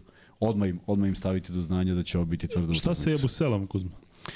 Uh, Jabusele će, ovaj, vidiš da Kako postoji... Partizan da ima odnos prema Jabuselu, zato što znamo neke... Da ima neke... na kom će po, poziciji igrati. Da. Da ima šta će da se desi. Ali on možda najsvestraniji igrač, ali u smislu da može da pogodi trojku, da može da igra leđima, da je toliko i u odbrani e, sposoban da uradi. E, stvar, stvar zaista afiniteta. Meni lepše izgleda Musa i mislim da možda uradiš šta god hoćeš. Ovo je, ovo je jedna snaga koja je... Ja mislim najraznovrsnija. Thanos, znaš da. onaj Thanos, onaj gospodar svemira. Onaj, kad je zakucao, pa kad je uradio ovo, ti vidiš da to, to mišići svuda izlaze. I od, od dupeta do glave, sav u mišićima, nenormalno izgleda, ali ja sam uvijek volao više malo prefinjeniju igru, ne, ne nešto, znaš. Kažem, samo je stvar, stvar doživljaja. A, da, radi se o igraču koji samo je pitanje na kojoj će poziciji igrati. Ako on bude, bude morao da bude petica, nije to njemu baš pozicija na kojoj se snalazi. U ostalom video si koji je broj faulova napravio, tako da on je naviko da čuva igrače s polja. Ubaciti ga u problem da čuva igrače unutra, ako je to taj izbor. Tako da mnogo zavisi od Tavaresa, ali e, ono što znam, Jabusele se neće predati, želi da, da produži seriju, ne želi sigurno da ide u Beograd sa 0-2, tako da treba biti spreman na to, ali iskoristiti sve mane, a definitivno Real ima mane. Ima mane u broju, u broju ljudi, ima mane u ovome što smo konstatovali ipak u jednom uh, trenerskom kvalitetu i ima mane godina pojedinih igrača i jedna energija koju Partizan nosi, očigledno nosi. Ova energija je izostajala u Realu, a oni su bili poznati kad se udruže da to bude baš onako nešto posebno. Tako da Jeste. To su problemi sa kojim se suočavaju vidit ćemo. Ali stvarno mislim da ako ne bude došla smena generacija, nemaju šta da traže. Prosto mnogo je, mnogo je već da budu na okupu, a možda je to jedan od razloga zašto je baš Ćus Mateo tamo. Kada odu ova tri e, zaista majestralne igrače kada odu u penziju, što možemo da očekujemo ako ne sledeće pa možda neće otići u penziju, možda će otići u neki Biće tu nešto, nešto šta god, ali pa misliš da, da će negde da završavaju karijeru drugde? Ljulj i Rudi Fernandez da ode sada u Fuenlabradu ili u Saragosu, to ne očekujem, ali e, ono što očekujem pa to je da... Ko je najmlađi? Ćaća. On je najmlađi. U, Od njih onda trojici. moraju u penziju. Ako govorimo njima, njih, no, o njima trojici. E, u slučaju da oni u nekom trenutku odu E, mislim da bi Real mogao zaista da postane nešto slično Makabiju, svaka čast Makabiju, zaista nas je demantovano na početku sezone, po, prokomentarisat ćemo malo i tu seriju, ali oni ako odu ti španski sinonimi za bekove, za, za, za reprezentaciju, oni će zaista postati klub koji ima mnogo pare, koji može da dovodi tako igrače i ne znam kako će izgledati njihov plan. Znaš kako bi ga ja vizija. napravio? Pa ja bi odmah, odmah video taj Juventud tu Malagu, ima jako interesantnih igrača španskih. Ima širom Spanije interesantnih španskih igrača. Ne voli Real da ih dovodi zato što su to obično oni koji su školovani kod njih. Da. Ali u, u slučaju kakvom se sad nalaze, a da nema priliva mlađih igrača, u krajnjem slučaju uh, ajde, ajde vratimo neko malo film Dončić, uh, Mario Nakić, uh, Dobro, ovaj mali što igra Tristan, Tristan Vukčević, taj mali, da. To su, to su, to su neki poslednji koji se ipak nisu zadržali. Da, Klavža, koji, Klavža koji je god, otišao da, isto. Koji god da. da su razlozi nisu se zadržali i sad tu nedostaje. Nešto što, iz čega se ipak da. Real hranio. A šta je sa Baldo? E, nije igrao. Sad ovde su nečak ljudi komentarisali zašto. Nisam vidio da neko rekao da je povreda. Je li ima mesta za njega uopšte u smislu toliko šuteva uzimaju svi? Danas da li je bilo mesta? Pa mislim, mogu je da odigra žmureći što je odigrao Ćačo. Ne voliš Ćaće pa to Ma ti. gde ga ne volim bre, o, fenomenalni igrač samo Daj može... pol, da li Kuzma ne voli Pa, Ćaće. stavi da voli. Ćaće. E, ljudi, dalje zaista ogromna gledanost, ali mi ćemo sada morati da pređemo na ostale stvari, a ima nekoliko koje moramo da pomenemo. Dakle, taj meč između e, Monaka i Makabija, ja iskreno nisam gledao toliko koliko je Kuzma. Kuzma, reci nam, to deluje kao rutinska pobeda Makabija, ja sam pratio O, rezultat da. i vidio neke stvari. Jel te nas to iznenađuje? Najavili smo da bi to moglo da bude serija gde ne računajući Partizan, gost možda ima e, najveću šansu. Čak su meni bili onako egal. Ja sam ih stavio da prolaze. Da. ovaj, zato što oni to igraju, to, to, što- to igraju, to žive, taj način igre. Ovde, ovde je već dovoljno smešan, dovoljno smešno izlaženje na teren. Ne znam da li nisi gledao. Da. Pa ide James i pozdravlja se sa Žikom, Mikom, Johnom, Fredom i onda dođe i zagrli zbunjenog Obradovića. Da, gledao sam, ni malo malo pa se Ne, ne, gleda. ali ovaj, ovaj stoji zbunjen, nije, nije baš teo da se grli. I, ovaj, i od početka utakmice vidiš da će to biti jedna onako prilično haotična košarka koja mislim da više odgovara ovaj, Makabiju. Neverovatan broj izgubljenih lopti u prvoj četvrtini. Dve, dve, dve uh, Monaka i četiri Makabija da ima jedna koju Lorenzo Brown baca čoveku koji mu okreće leđa. U momentu ga gleda i ovaj ovako baci, on se okrene i ode. I on propadne. Propadne, zaista, ovako baci se na kolena i ne može da veruje da je bacio loptu. Ej, stvarno je bilo onako negledljivo. I kako je prvu neku seriju napravio Makabi i video, videla se ta snaga, video si da oni duvaju sa svih strana. Dakle, odbrana ne postoji, Tuvaju, a? Duvaju. Svi Svaki, duvaju. Da. To su čak bili šutovi koji nemaju mnogo rezona, ali ti vidiš da su ljudi potpuno, po, potpuno na perimetru i to samo cepa. Jedan za bode i baba bab. Ovaj, m, Lorenzo Brown otvorio utakmicu, pa ja mislim da on sam imao četiri izgubljene lopte sa promašenim zicirima, međutim posle to sve nešto leglo na svoje. E, pokušao da se vratim onako, bar ono, e sad ide onaj period kad gledam Partizan, pa se onda ponovo vratim i tu je onda bila razlika od 9 do 13. Mislim da je to bilo konstantno. Možda su jednom došli na 7, ali to je bilo to. Bez, bez neke šanse, bez neke snage. Pokušavao je Obradović, gestikulirao, radio svašta nešto, ali prosto nije išlo. Šteta što oba Obradovića nisu dobila večeras. Pa, Bilo bi, bilo bi lepo, ali e, ja ono što sam malo gledao zaista neuporedivo sa Partizanom i Realom u smislu svega. I e, energije i Ma da, kvalitete i da, svega. da, ono nije da. delovalo kao, kao play-off utakmica. Da. Dakle da E, mnogi su, mnogi smo pričali o tome kako bi bilo super da Partizan ide na Monako, međutim evo sad iz ovog ugla ovaj, sa ovih 0-1 iz Madrida e, mislim da nikome nije žao. Kuzma, serije koje se igraju danas, pošto je već počela sreda, Ajde. su sledeće. Ba Barcelona, Žalgiris, litvanski trener sigurno dobije tu seriju i Olimpijakos Fenerbahče, gde je Olimpijakos veliki favorit, pre svega zbog toga što ih je zaista rastorio obe utakmice. Mislim da sam prenosio onu prvu u Pireju, a ovamo u, u Istanbulu isto bilo gaženje, tipa odlazi se na 30 razlike i ne može da se stigne. E, prognozirao si juče serije, kako će da se završe u smislu pobeda i prolaze jednih i drugih, ali konkretno od ovih prvih utakmica šta A očekuješ? vidi, e, o, i tudi si u problemu sa povredama, neke, neke nešto najavljeno danas da je opet da. u. Tako da, eto, to su neke stvari koje odmah otežaju, otežaju celu tu priču, gostuju, neubedljivi, na utakmici kojem je bila život ili smrt su izgubili u Beogradu. Ispalo je da nije smrt, ne zato što su oni nešto odlučili, nego što su im drugi rezultati išli na ruku. Ali nekako posle toga deluje mi da ipak ne zasluže. Ne bi volili da ih vidimo da sad kao oni prođu. Pa znaš, ne, nekako pa ne, kada, pa- kada ti tako neko uradi tako je. tamo nešto, a ti Tako si je. svoju šansu Ta- tako je. propustio. To je, to je potpuno, gubiš neki da oni kredibilitet. pobede u Beogradu, pobede Jeste. jedni i drugi i kažu sad Tako mi osmi, tako ponosno smo osmi i kažeš ajde da, ajde sad cepaš. Ali ovako sa svim tim povredama pitanje je ovaj, kako će to izgledati. Znam da i Tudis ne odustaje od svega toga i spremit će utakmicu koliko god je to moguće. Koliko može da je produži, bilo bi mi iznenađenje da se to produži na pet utakmica. Naravno sve je u košarci moguće, ali ajde vidimo tu prvu, da naravno prednost dajem domaćin. Hvala Dimitriju na lepim rečima i na donaciji. Pozdrav veliki za sve iz Beča. Znamo da ima tamo vas koji gledaju. Inače, ja sam s, verovatno pre Kuzme i njegovog angažmana sa momcima koji igraju u košak u Glicima, bio u Beču na jednom turniru, e, upoznao tamo recimo Goran Nešković i eto ukrstilo se sve to u ovom podcastu, tako da veliki poraz, po, pozdrav, veliki poraz. Veliki pozdrav i za Što sam ga Gorana upoznao. Neškovića, da. E, i nadamo se da ćemo ovog leta pričati ponovo ovde u studiju kada bude naravno manje ovih dnevnih košarkaških dešavanja. A sada ih hvala baš ima.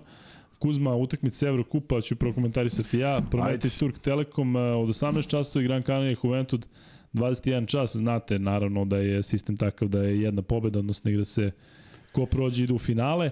E, Prometej je, je ekipa koja igra na veliki broj e, poena, ali bi, ipak bih tu šansu dao Turk Telekomu, da ne bude da, da sad navlačim na ovu našu e, nagradnu igru, odnosno kviz koji imamo sa našim drugarima iz Da ne šujete nas ništa što mi pričao. Da mi Da, znamo... da, da, u stvari ono, sutra 30 razlike za Prometej.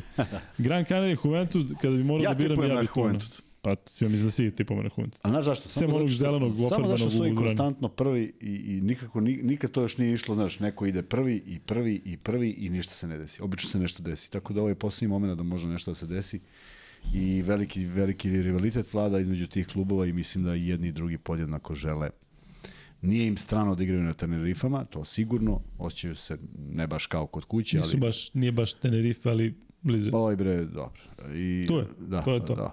I, ovaj, I da vidimo da li, će, da li će oni uspeti da ih skinu. I naravno Turk Telekom kojeg dugo nije bilo u tako nekim završnicama, jedan klub za koji igrao Mira Radošević svoje vremeno, jedan klub koji je bio ozbiljan. Mislim da je Mićko Milićević igrao za Turk Telekom. Niš, dosta naših Dosta tamo. naših, tako da nekada su žalili i palili, sad verovatno žele da produže sezonu. Ajde da vidimo da li oni mogu da naude Prometeju, koji igra dosta sigurno. Ne možda spektakularno, ali dovoljno sigurno ima dobrih pojedinaca. Nije to neka lepa igra, ovaj, baš da padneš u nesvest, ali funkcioniš.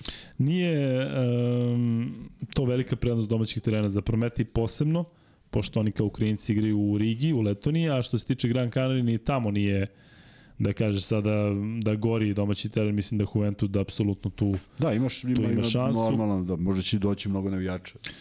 Iz Juventuda. e, da, iz Juventuda. iz Badalona. E, ono što je zanimljivo to je da e, je to duel, dakle u polufinalu Evrokupa, to je duel ekipa koja se trenutno na tabeli ACB lige nalaze na pozicijama 6 i 7. Dakle, ispred njih su Barca, Baskonija, Real, Unikaha i Tenerife, ali e, jedni i drugi, ako se ne varam, su obezbedili plasman u play-off. Tako da, je to Kuzma malo poražavajuće za Evrokup da se bore za finale timovi koji su u lokalnoj, odnosno u, u svojoj ligi 6 i 7? Jel to pokazuje možda neki kvalitet ili ne kvalitet Evrokupa? Pa nije, zato što su ovih prvih pet Dobro, u- Tenerife, Unikaha, Liga šampiona. Znaš, zato kažem, Unikaha i Tenerife četvrti i peti. Igraju Ligu šampiona. Juventud i Gran Canaria u ACB ligi, šesti i sedmi, igraju polufinale Evrokupa. Pa da, pa dobro, sve Da. da. kako treba. I to što kažeš, Valencija osma koji igra Euroligu. Eto, da, samo Valencija u stvari naopak, Da, da, Valencija, tu, to, da, da. oni su pokre, pokvarili. Da, ovo mi je sve normalno zato što je tu prvih 7 ekipa, sve, prvih 8 ekipa svi igraju neko takmičenje, je tako? Ili ima neko to- da ne igra? Nema. A, Ne, ne, igraju pa čak i Maresa i ovi što su ispod osmog igraju isto Fibin Ligu šampiona, odnosno igrali su. A da, Tako da, ali prošli. ovih osam su, da, tri, e, Euroligi. četiri Evrolige. Dva Evrokupa Dva i dva Lige Evrokupa i šampiona. dva Lige Pa šampiona, Da, to je da. to, to, to su ekipe koje odskoče. Španska liga će biti vrlo interesantna sledeće sezone posebno. E, što se tiče e, borca i Heliosa, ne znam da li ste ispratili taj Da, meč, ali kvalifikacije, Borac, Borac igra onako, Helios ne igra odbranu, ali u nekoliko trenutaka e, momenta pripretio povratkom. U svakom slučaju ja očekujem da Borac dobije u Domzalama, i tom žalama. Dom žalam. Da, i e, ono što takođe treba da kažemo da je počeo KLS, tako uzma. Je li počeo? Počeo, FNP je dobio Spartak, nisi ispratio. Nisam. E, znaš da onaj format je podeljeni u dve grupe po četiri? To znam. E, e, biće zanimljivo, biće zanimljivo da i to da pratimo, vidjet ćemo koliko će imati daj vremena. Bože budu zanimljivo, da. Pa mislim, biće zanimljivo, možda ne, on, da je Možda ne sad da baš su, se, ali da su se približili Zvezdi I kako je, kako je prošlo? Šta?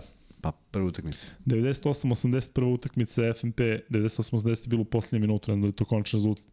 Ali FNP je dobio rutinski. E, inače, što se tiče borca, ovaj Baldwin i Hill su ponovo pokidali, zaista svaka čast momcima. Da, nego sad u neku Da. nagradu najbolji strelac, nešto Jest, tako. da, da, da, tako da ovaj, Lepo Gagić je imao 16 pojena i tipa 9 skokova.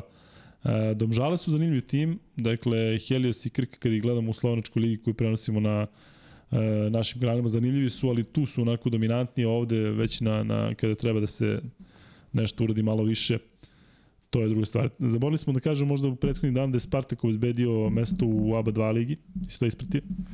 Jel jesu? Da Spartak igra, dakle, ovaj, ABA 2. Ali I ne vidim gde su, gde, je ovaj Helios, gde se to nalazi, taj porac Helios? Pod šta to spada sada? Šta? Pa gde ga nađemo? Na ABA ligi? Da, da, na ABA ligi. ABA ligi imaš da čak tamo ono e, datumi kad se igra. Pritom, e, Borac igra po planu e, protiv Megi, ako se ne varam, već bi trebalo da igra KLS? da. I onda posle dva dana opet ovaj, Pa igraju da, taj drugi meč. istog dana oni dobili, šta ima tu veze? Potpuno ludilo, ali dobro, e, navikli su verovatno na, na taj ludi plan. Miksa, hoćemo malo o NBA-u pa da se razilazimo. Tu je Miksa, Miksa potpuno fokusiran, potpuno ovaj, e, posvećen. Miksa, hvala tebi na energiji. Znamo da nije lako, imaš ovde da pročitaš milion e, milion e, stvari, milion obaveza. E, I evo, e, u ovom trenutku počinje utakmica između, odnosno već je počela između Bostona i Atlante. Miksa tu očekujemo sigurno da Boston prođe, tako? Pa da, to smo Mislim da pričali. do večera se završi priču, zato što Atlanta nam posebno bez Mareja ne deluje kao ekipa koja tu može da vrati seriju u, u Georgiju. Baš to, baš to. Ej, nisam namestio kameru, tako da znaš. Da, da Stavit ću tebe, mene, samo da. Kuzmu da se, da, da se vidi. E, inače, e, Željko ovde pita kako da donira, pošto ga izbacuje iz live-a kada želi da, da, da proba na YouTube-u, pa pita da li može preko Paypal, ajde vi to. Može preko Paypala, Luka i Kuzma se zovemo na Paypalu. Ako Da. se nađe. Eto, Željko, da ti pomognem Mm, kako da. da. podržiš ekipu. A što se Bostona tiče, ma da, to je, mislim, ja stvarno verujem da je, da je to rešeno sada. Sinoć ono što smo verovali, bukvalno gledao Ajde sam. odmah da pređemo na sinoć. Ajde, da, brate, gledam. Mislim da je, za, da je zaslužio čovjek. Počela četvrta četvrtina i vo, sve vreme vode, mislim i Janis radi posao i vodi Milwaukee i ja se mislim ok, idem da se tušnem, pa tamo da ispratim malo Lakers i Memphis, vraćam se, imam šta da vidim, Miami vodi, znači znaš da sam bio u šoku i onda do kraja sam ispratio ono ludilo Jimmya Butlera, mislim znaš šta, moralo je da se desi da bi Miami dobio da on bude na nekom vanzemaljskom nivou 56 poena.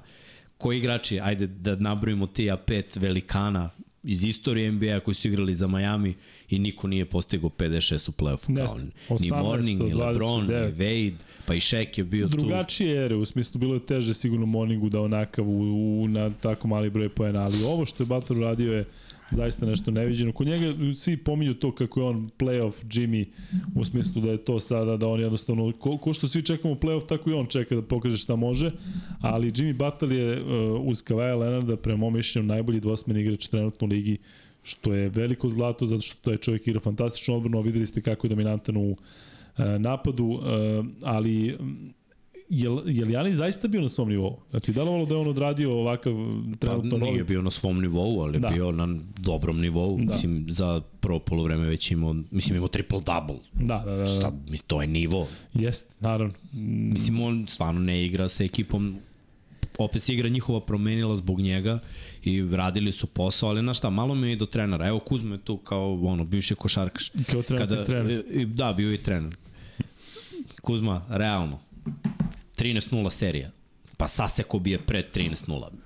Mislim, Da, da. ne možeš da ih Ne pustiš. možeš dozvoliš, jest. I Ne ja, možeš da dozvoliš 13 poena u nizu i pritom u, igra se na gostujućem terenu. Publika divlja tamo, svi su se povampirili i ti ne zasečeš seriju ni na 6, ni na od nego, nego pustiš da bude 13-0. 12 razlike su imali i ti im pustiš da te okrenu. Bez timeouta. Mislim, ne Ja mislim da je ovo posljednja sezona za gospodina Budenholzer. Bodenholzera.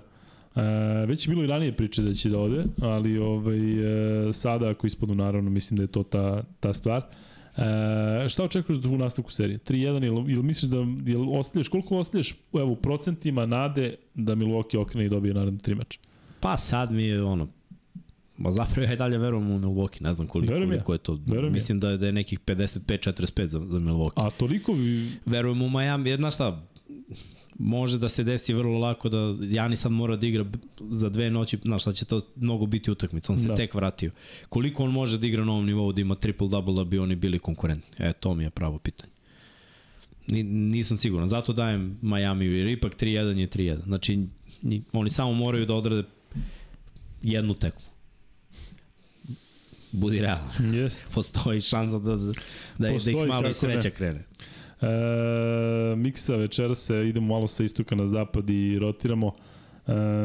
Denver, Minnesota, Denver to mora da završi, tako to više da. sad više nije zezanje. Kao što Phoenix mora da završi protiv ovakvih Clippersa, Uh, gde Westbrook potpuno očekivano alfa i omega da je neko to rekao pre tri meseca kad je bio u Lakersima da će ovako nešto da se desi zaista prosto prosto neviđeno uh, ali um, ta serija između Denvera i Phoenixa koja se smeši ja mislim da će biti uh, ludilo baš baš ludilo Baš. E, Miksa, vidio si i pričali smo o tome da su obrani silni rekordi u ovoj seriji Golden State, Sacramento, gdje Aaron Fox je imao taj, tu povredu prsta, ali vidim da će igrati i petu utakmicu.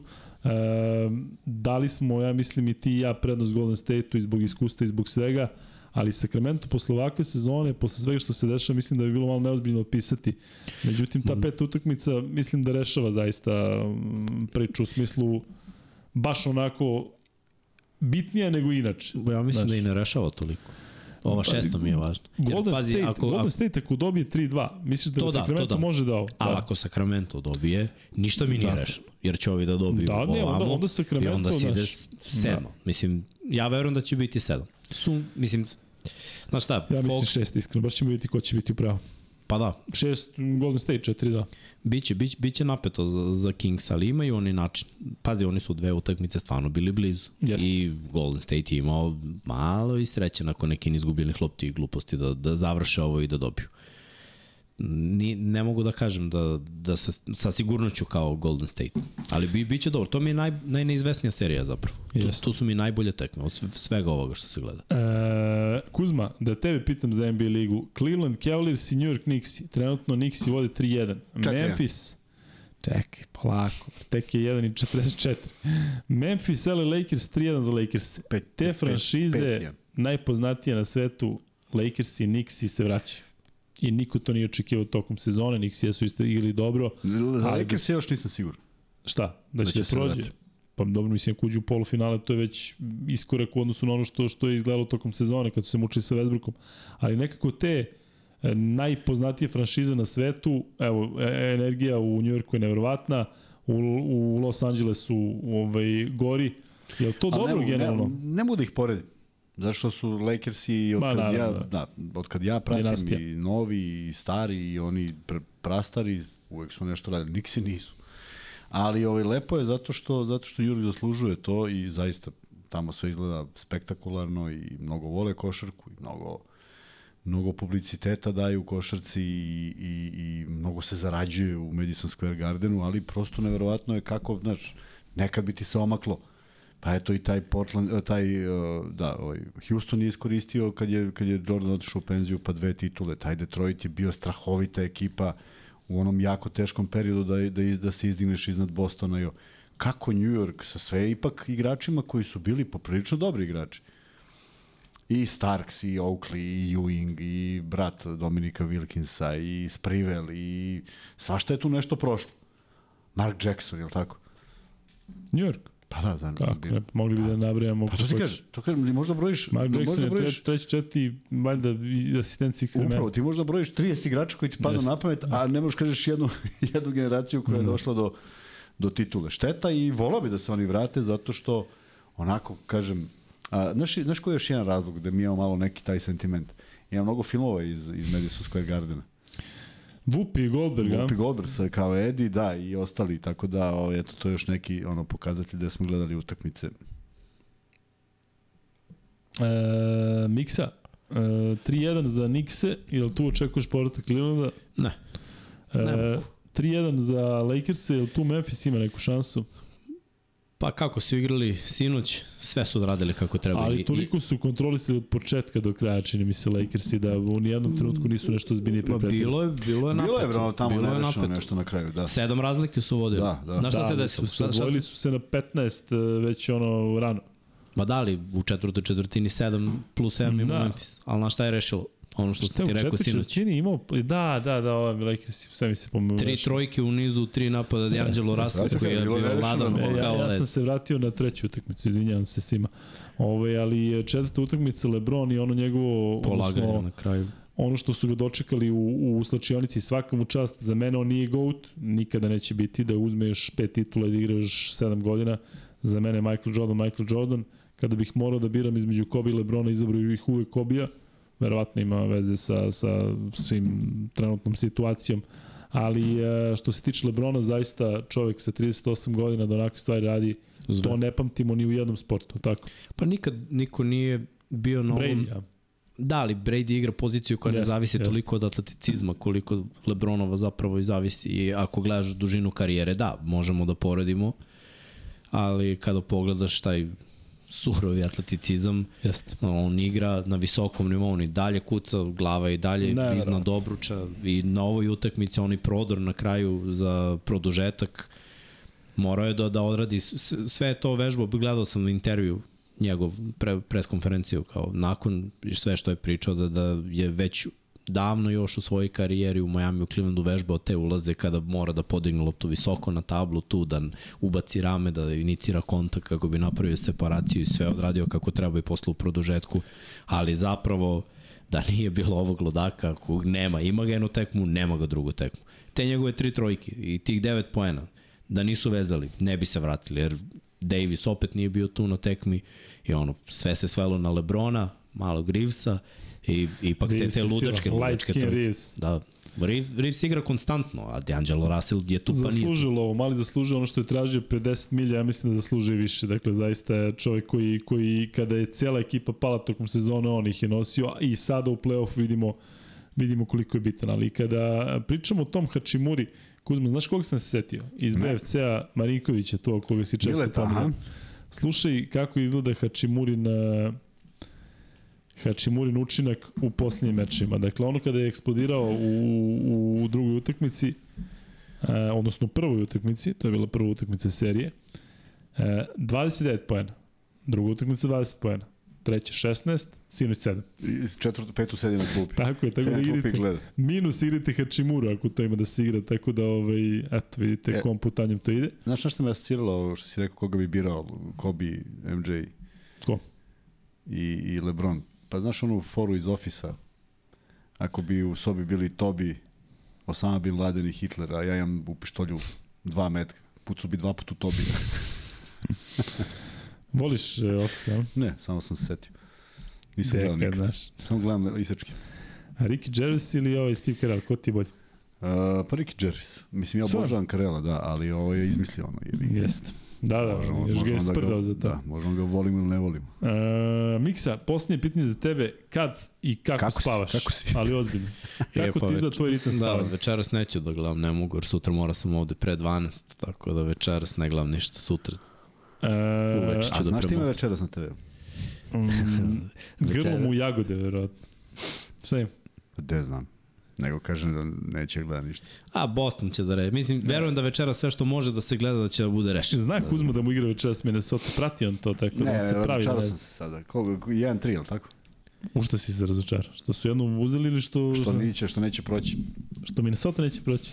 Kako čovjek voli da, da na sebe naloči gnev, to je Ne, nevjerovatno. više znači, neću- bes i sve. Više neću ne ovde za njega. No i sve mi soćani da me nerviraju sad. Steelersi pozdravljaju, odnosno navijači Steelersa pozdravljaju Miksu, a mi ćemo morati sada pozdravimo vas, ne sada, zato što imaš dva free bet. Drugi free bet, Kuzma, hoćeš ti da smišljaš ili, Ma ili treću da smišljam čoveč 3 sata.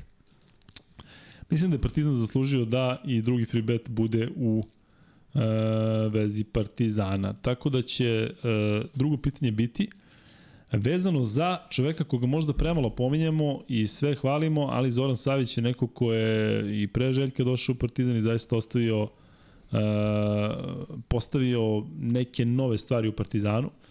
On je igrao u Madridskom Realu i igrao jednu sezonu. Koja je to sezona? To je drugo pitanje za free bet i e, kažem, Savić je nekako iz senke, radi neke jako dobre stvari, ali e, kažem, možda ga ne pominjamo dovoljno koliko on u kombinaciji sa Željkom znači e, znači ekipi. Miksa, ti možeš ujedno i da ugasiš ovaj, e, ovaj pol gde imamo 1413 glasova. Kuzma, ako te zanima, siguran sam da te neviđeno zanima. Kako me ne zanima. E, dakle, ishod pola, da li biste da li bi volili da vidite Hezonju Musu u Partizanu? 45% kaže šta? Ne. Da. 25% ne, e, 21% samo Hezonju, 7% samo Musu. Milan Jovanović je odgovorio uh, prvi, čekaj, moram da proverimo ovo je. Ne znam, 9596. ne znam Miki da li si u pravu. Nešto mi u glavi 9697, to sam odgovorio. Pa ne govori glave. sada. Čekaj bre, već Pa ima odgovorio, to. imaš i jednog i drugog. On namerno uh, prolongira kraj emisije, a Zašto ću nešto da kažem na kraju? 9596, jeste, bravo. Ja sam mislio da 9697 tada već bio u Virtusu. Ovako je A. 9596 Vuk Grbić je prvi. Po live. Live chat. Ja, jeste? a? Eto ti sada, znao sam da ćeš nešto da... Jeste. Vuk Grbić prvi. Vuče, drago mi je e, da si dobio, jer znam koliko pratiš, koliko dugo pratiš i koliko si e, sa nama i koliko pratiš NBA ligu, tako da sigurno sam da ti je zanimljiv i ovaj deo. Crni grobar e, je tu bio, e, opet dao informacije, e, Crnog grobar ja da čekam da vidim i da upoznam, zato što zaista vidim da ozbiljno poznaje košaku, kao i Vuka, kao i sve vas sa kojima se nismo još sreli. Vuči, ti si imao jako dobru foru za stoti podcast kada si nam čestitao što se tiče fotke. Tako da radujemo se druženju. Kuzmo, hoćeš treći free bet da ne bude neko šarkaški, da ga ispucaš ili ćemo nešto ovaj, da ja izmišljam. Može muzički. Evo ga. Kuzma, sigurno su neke godine i Red Hot Chili Peppers. Nije, pa ne možemo stalno isto. Koji je band izgubio svoju religiju? Ja, majko. Ostaćemo do 3 i 19. Ko je ovo sad izašlo već i lako To je svima? pitanje, koji je band izgubio svoju religiju? Je tako? Tako je, pa već sam ga rekao. Ne, ali znaš, oni kad su, meni je druga rekao da za njih nikada ne bi platio uh, kartu i ovako mi kaže, da dođem pa se nišem. Mm, Pa dobro, bili su, cepali su, Da. dobro, muzika je bila. Ali su mi sve pesme na isti. Pa jesu, a Coldplay nije. Ko, jel znaš neku razliku Coldplaya s jednog ili sa Coldplay, 118. ka- kako je albuma? ušao, ko onaj Skatman, on kako je ušao u trend, tako je izašao iz trenda. Znaš foru za Ali su ipak kultni, šta? Znaš ti, sećaš skrivene kamere na trećem kanalu? Kada su doveli Batakandu. Znaš ko je Batakanda? Nećem sam Miklja i ono, Aha. da, da, dobro, Batakanda svira dobro, to harmoniku. sad već sećam. i sad kao sedi mladi, mladi harmonikaš, razvaljen, sam na nekoj drogi. Znaš, Sad kad i- pričaš. Batakanda ne može da veruje šta vidi i pričaju kao nešto o muzici. I Batakanda, ne znam koliko ljudi znaju, imao je bra, bra, bra, bra, bra, bra, dok je svirao. A ovaj mu kaže, Bato, priznaj da si to uzeo od Scatman John. Izraz lica Batakande, ko- koji ne zna ko je Scatman John. Da imamo da li živ John Skatman? Jest. Baš sam gledao. Si ga sreo kad si išao. Pa vi meni ne verujete da ja srećem tako ljude. John Skatman je umro 99. godine, Stvarno? u 57. godini. Pa to sam teo da kažem. 99? 99. Jebate, čovječe. Čega? E, jebi ga sad, Kuzma. Ako nađemo od čega, evo, naćemo diagnozu with lung cancer, dakle... Ma neko odgovorio čovječe ko je izgubio. pluća, da, kako nisu pa REM ovde izašlo šest- 16.000 Pa onda ko je pa pogodio. E, hoćeš Skatman kao u čega umro ili REM-ov free bet? Hoću odluči free bet, idemo čovječe. Je KG Soul BLJ. Trebalo napisati taj nadimak Burazeru, ali znam da si ovde aktivan, tako da znaš da te gotivimo. Ti si dobio za REM treći neko šarkaški free bet. Ljudi, e, neviđeno veče, e, puno svega i svačega. Tri sata smo ovde. Tri sata. Pa nismo, Skoro, počeli da, smo malo, počeli smo u u dva, dve i po 11.20, čuti. da. E, Kuzma, da kažemo nekoliko jako bitnih stvari. Dakle, u sredu ne radimo. E, u sredu najavili smo ove preostale mečeve u Euroligi, igra se Eurocup. Radimo u četvrtak posle Partizana, termin je gotovo izvesno 23, verovatno sa malim kašnjem, pošto je, mislim, izvesno da, da će utakmica opet 23, trajati 15 da, ćemo 10 minuta. računati, da. Da, u petak radimo ranije zato što je NFL draft. E, svi vi koji ste se uključili možda kasnije imate ovu našu nagradnu igru e, povezanu sa našim drugarima iz e, hotela Zlatibor, Mountain Spa and Resort, zaista fantastičan hotel gde pogađate mečeve e, i biramo troje koji pogode da idu, nadam se da će biti ovaj da će biti troje. E, nije lako pogoditi, ali nadam se da će da ćemo se družiti svi tamo zajedno. Imate dakle e, link, ili tako ima već link u biće u opisu i biće prvi. Dakle, samo kliknete, već je to fenomenalno tehnički urađeno da, da samo jednostavno bukvalno birate timove, a sutra će već doći i grabovi. Do 5 Tako da će časova biti sutra. super. Sutra do 5 časova, to je Pošto sat je vremena pre, gran, pred, šest. pre Prometeja. Tako je. Kuzma, šta još imamo da kažemo za kraj? E, zapratite nas na Instagramu, na Paypalu, nas zapratite isto i na Facebooku i već šta već Ništa, tamo ima. sve to što si rekao, još jedno lepo veče i dobro druženje i hvala svima koji su bili, hvala svima koji šalju poruke u toku dana i svoje predloge. A, Mnogo toga imamo u planu, mnogo toga ćemo uraditi, nadamo Da. da. se da uz, uz, uz vašu podršku možemo da da stvarno realizujemo sve to, uvijek ima nešto novo što nam padne na pamet. Danas smo imali par sastanaka, evo sad kreće ova nagradna igra, tako da nas očekuje nešto interesantnije i period i naravno nešto što od čega nismo odustali, ali prosto su momenti takvi, to su gosti, imamo i dogovore i planove. Simo večera sledeja, šta će ti gosti? Pa jeste, imali smo uživo, ali hoću da kažem, stvarno nije moment da u 11 noću dovedemo nekoga i pričamo neku drugu temu, a da to ne bude Neko iz kineske košarkaške lige. tako je. I da ga uh- uhvatimo preko Zuma.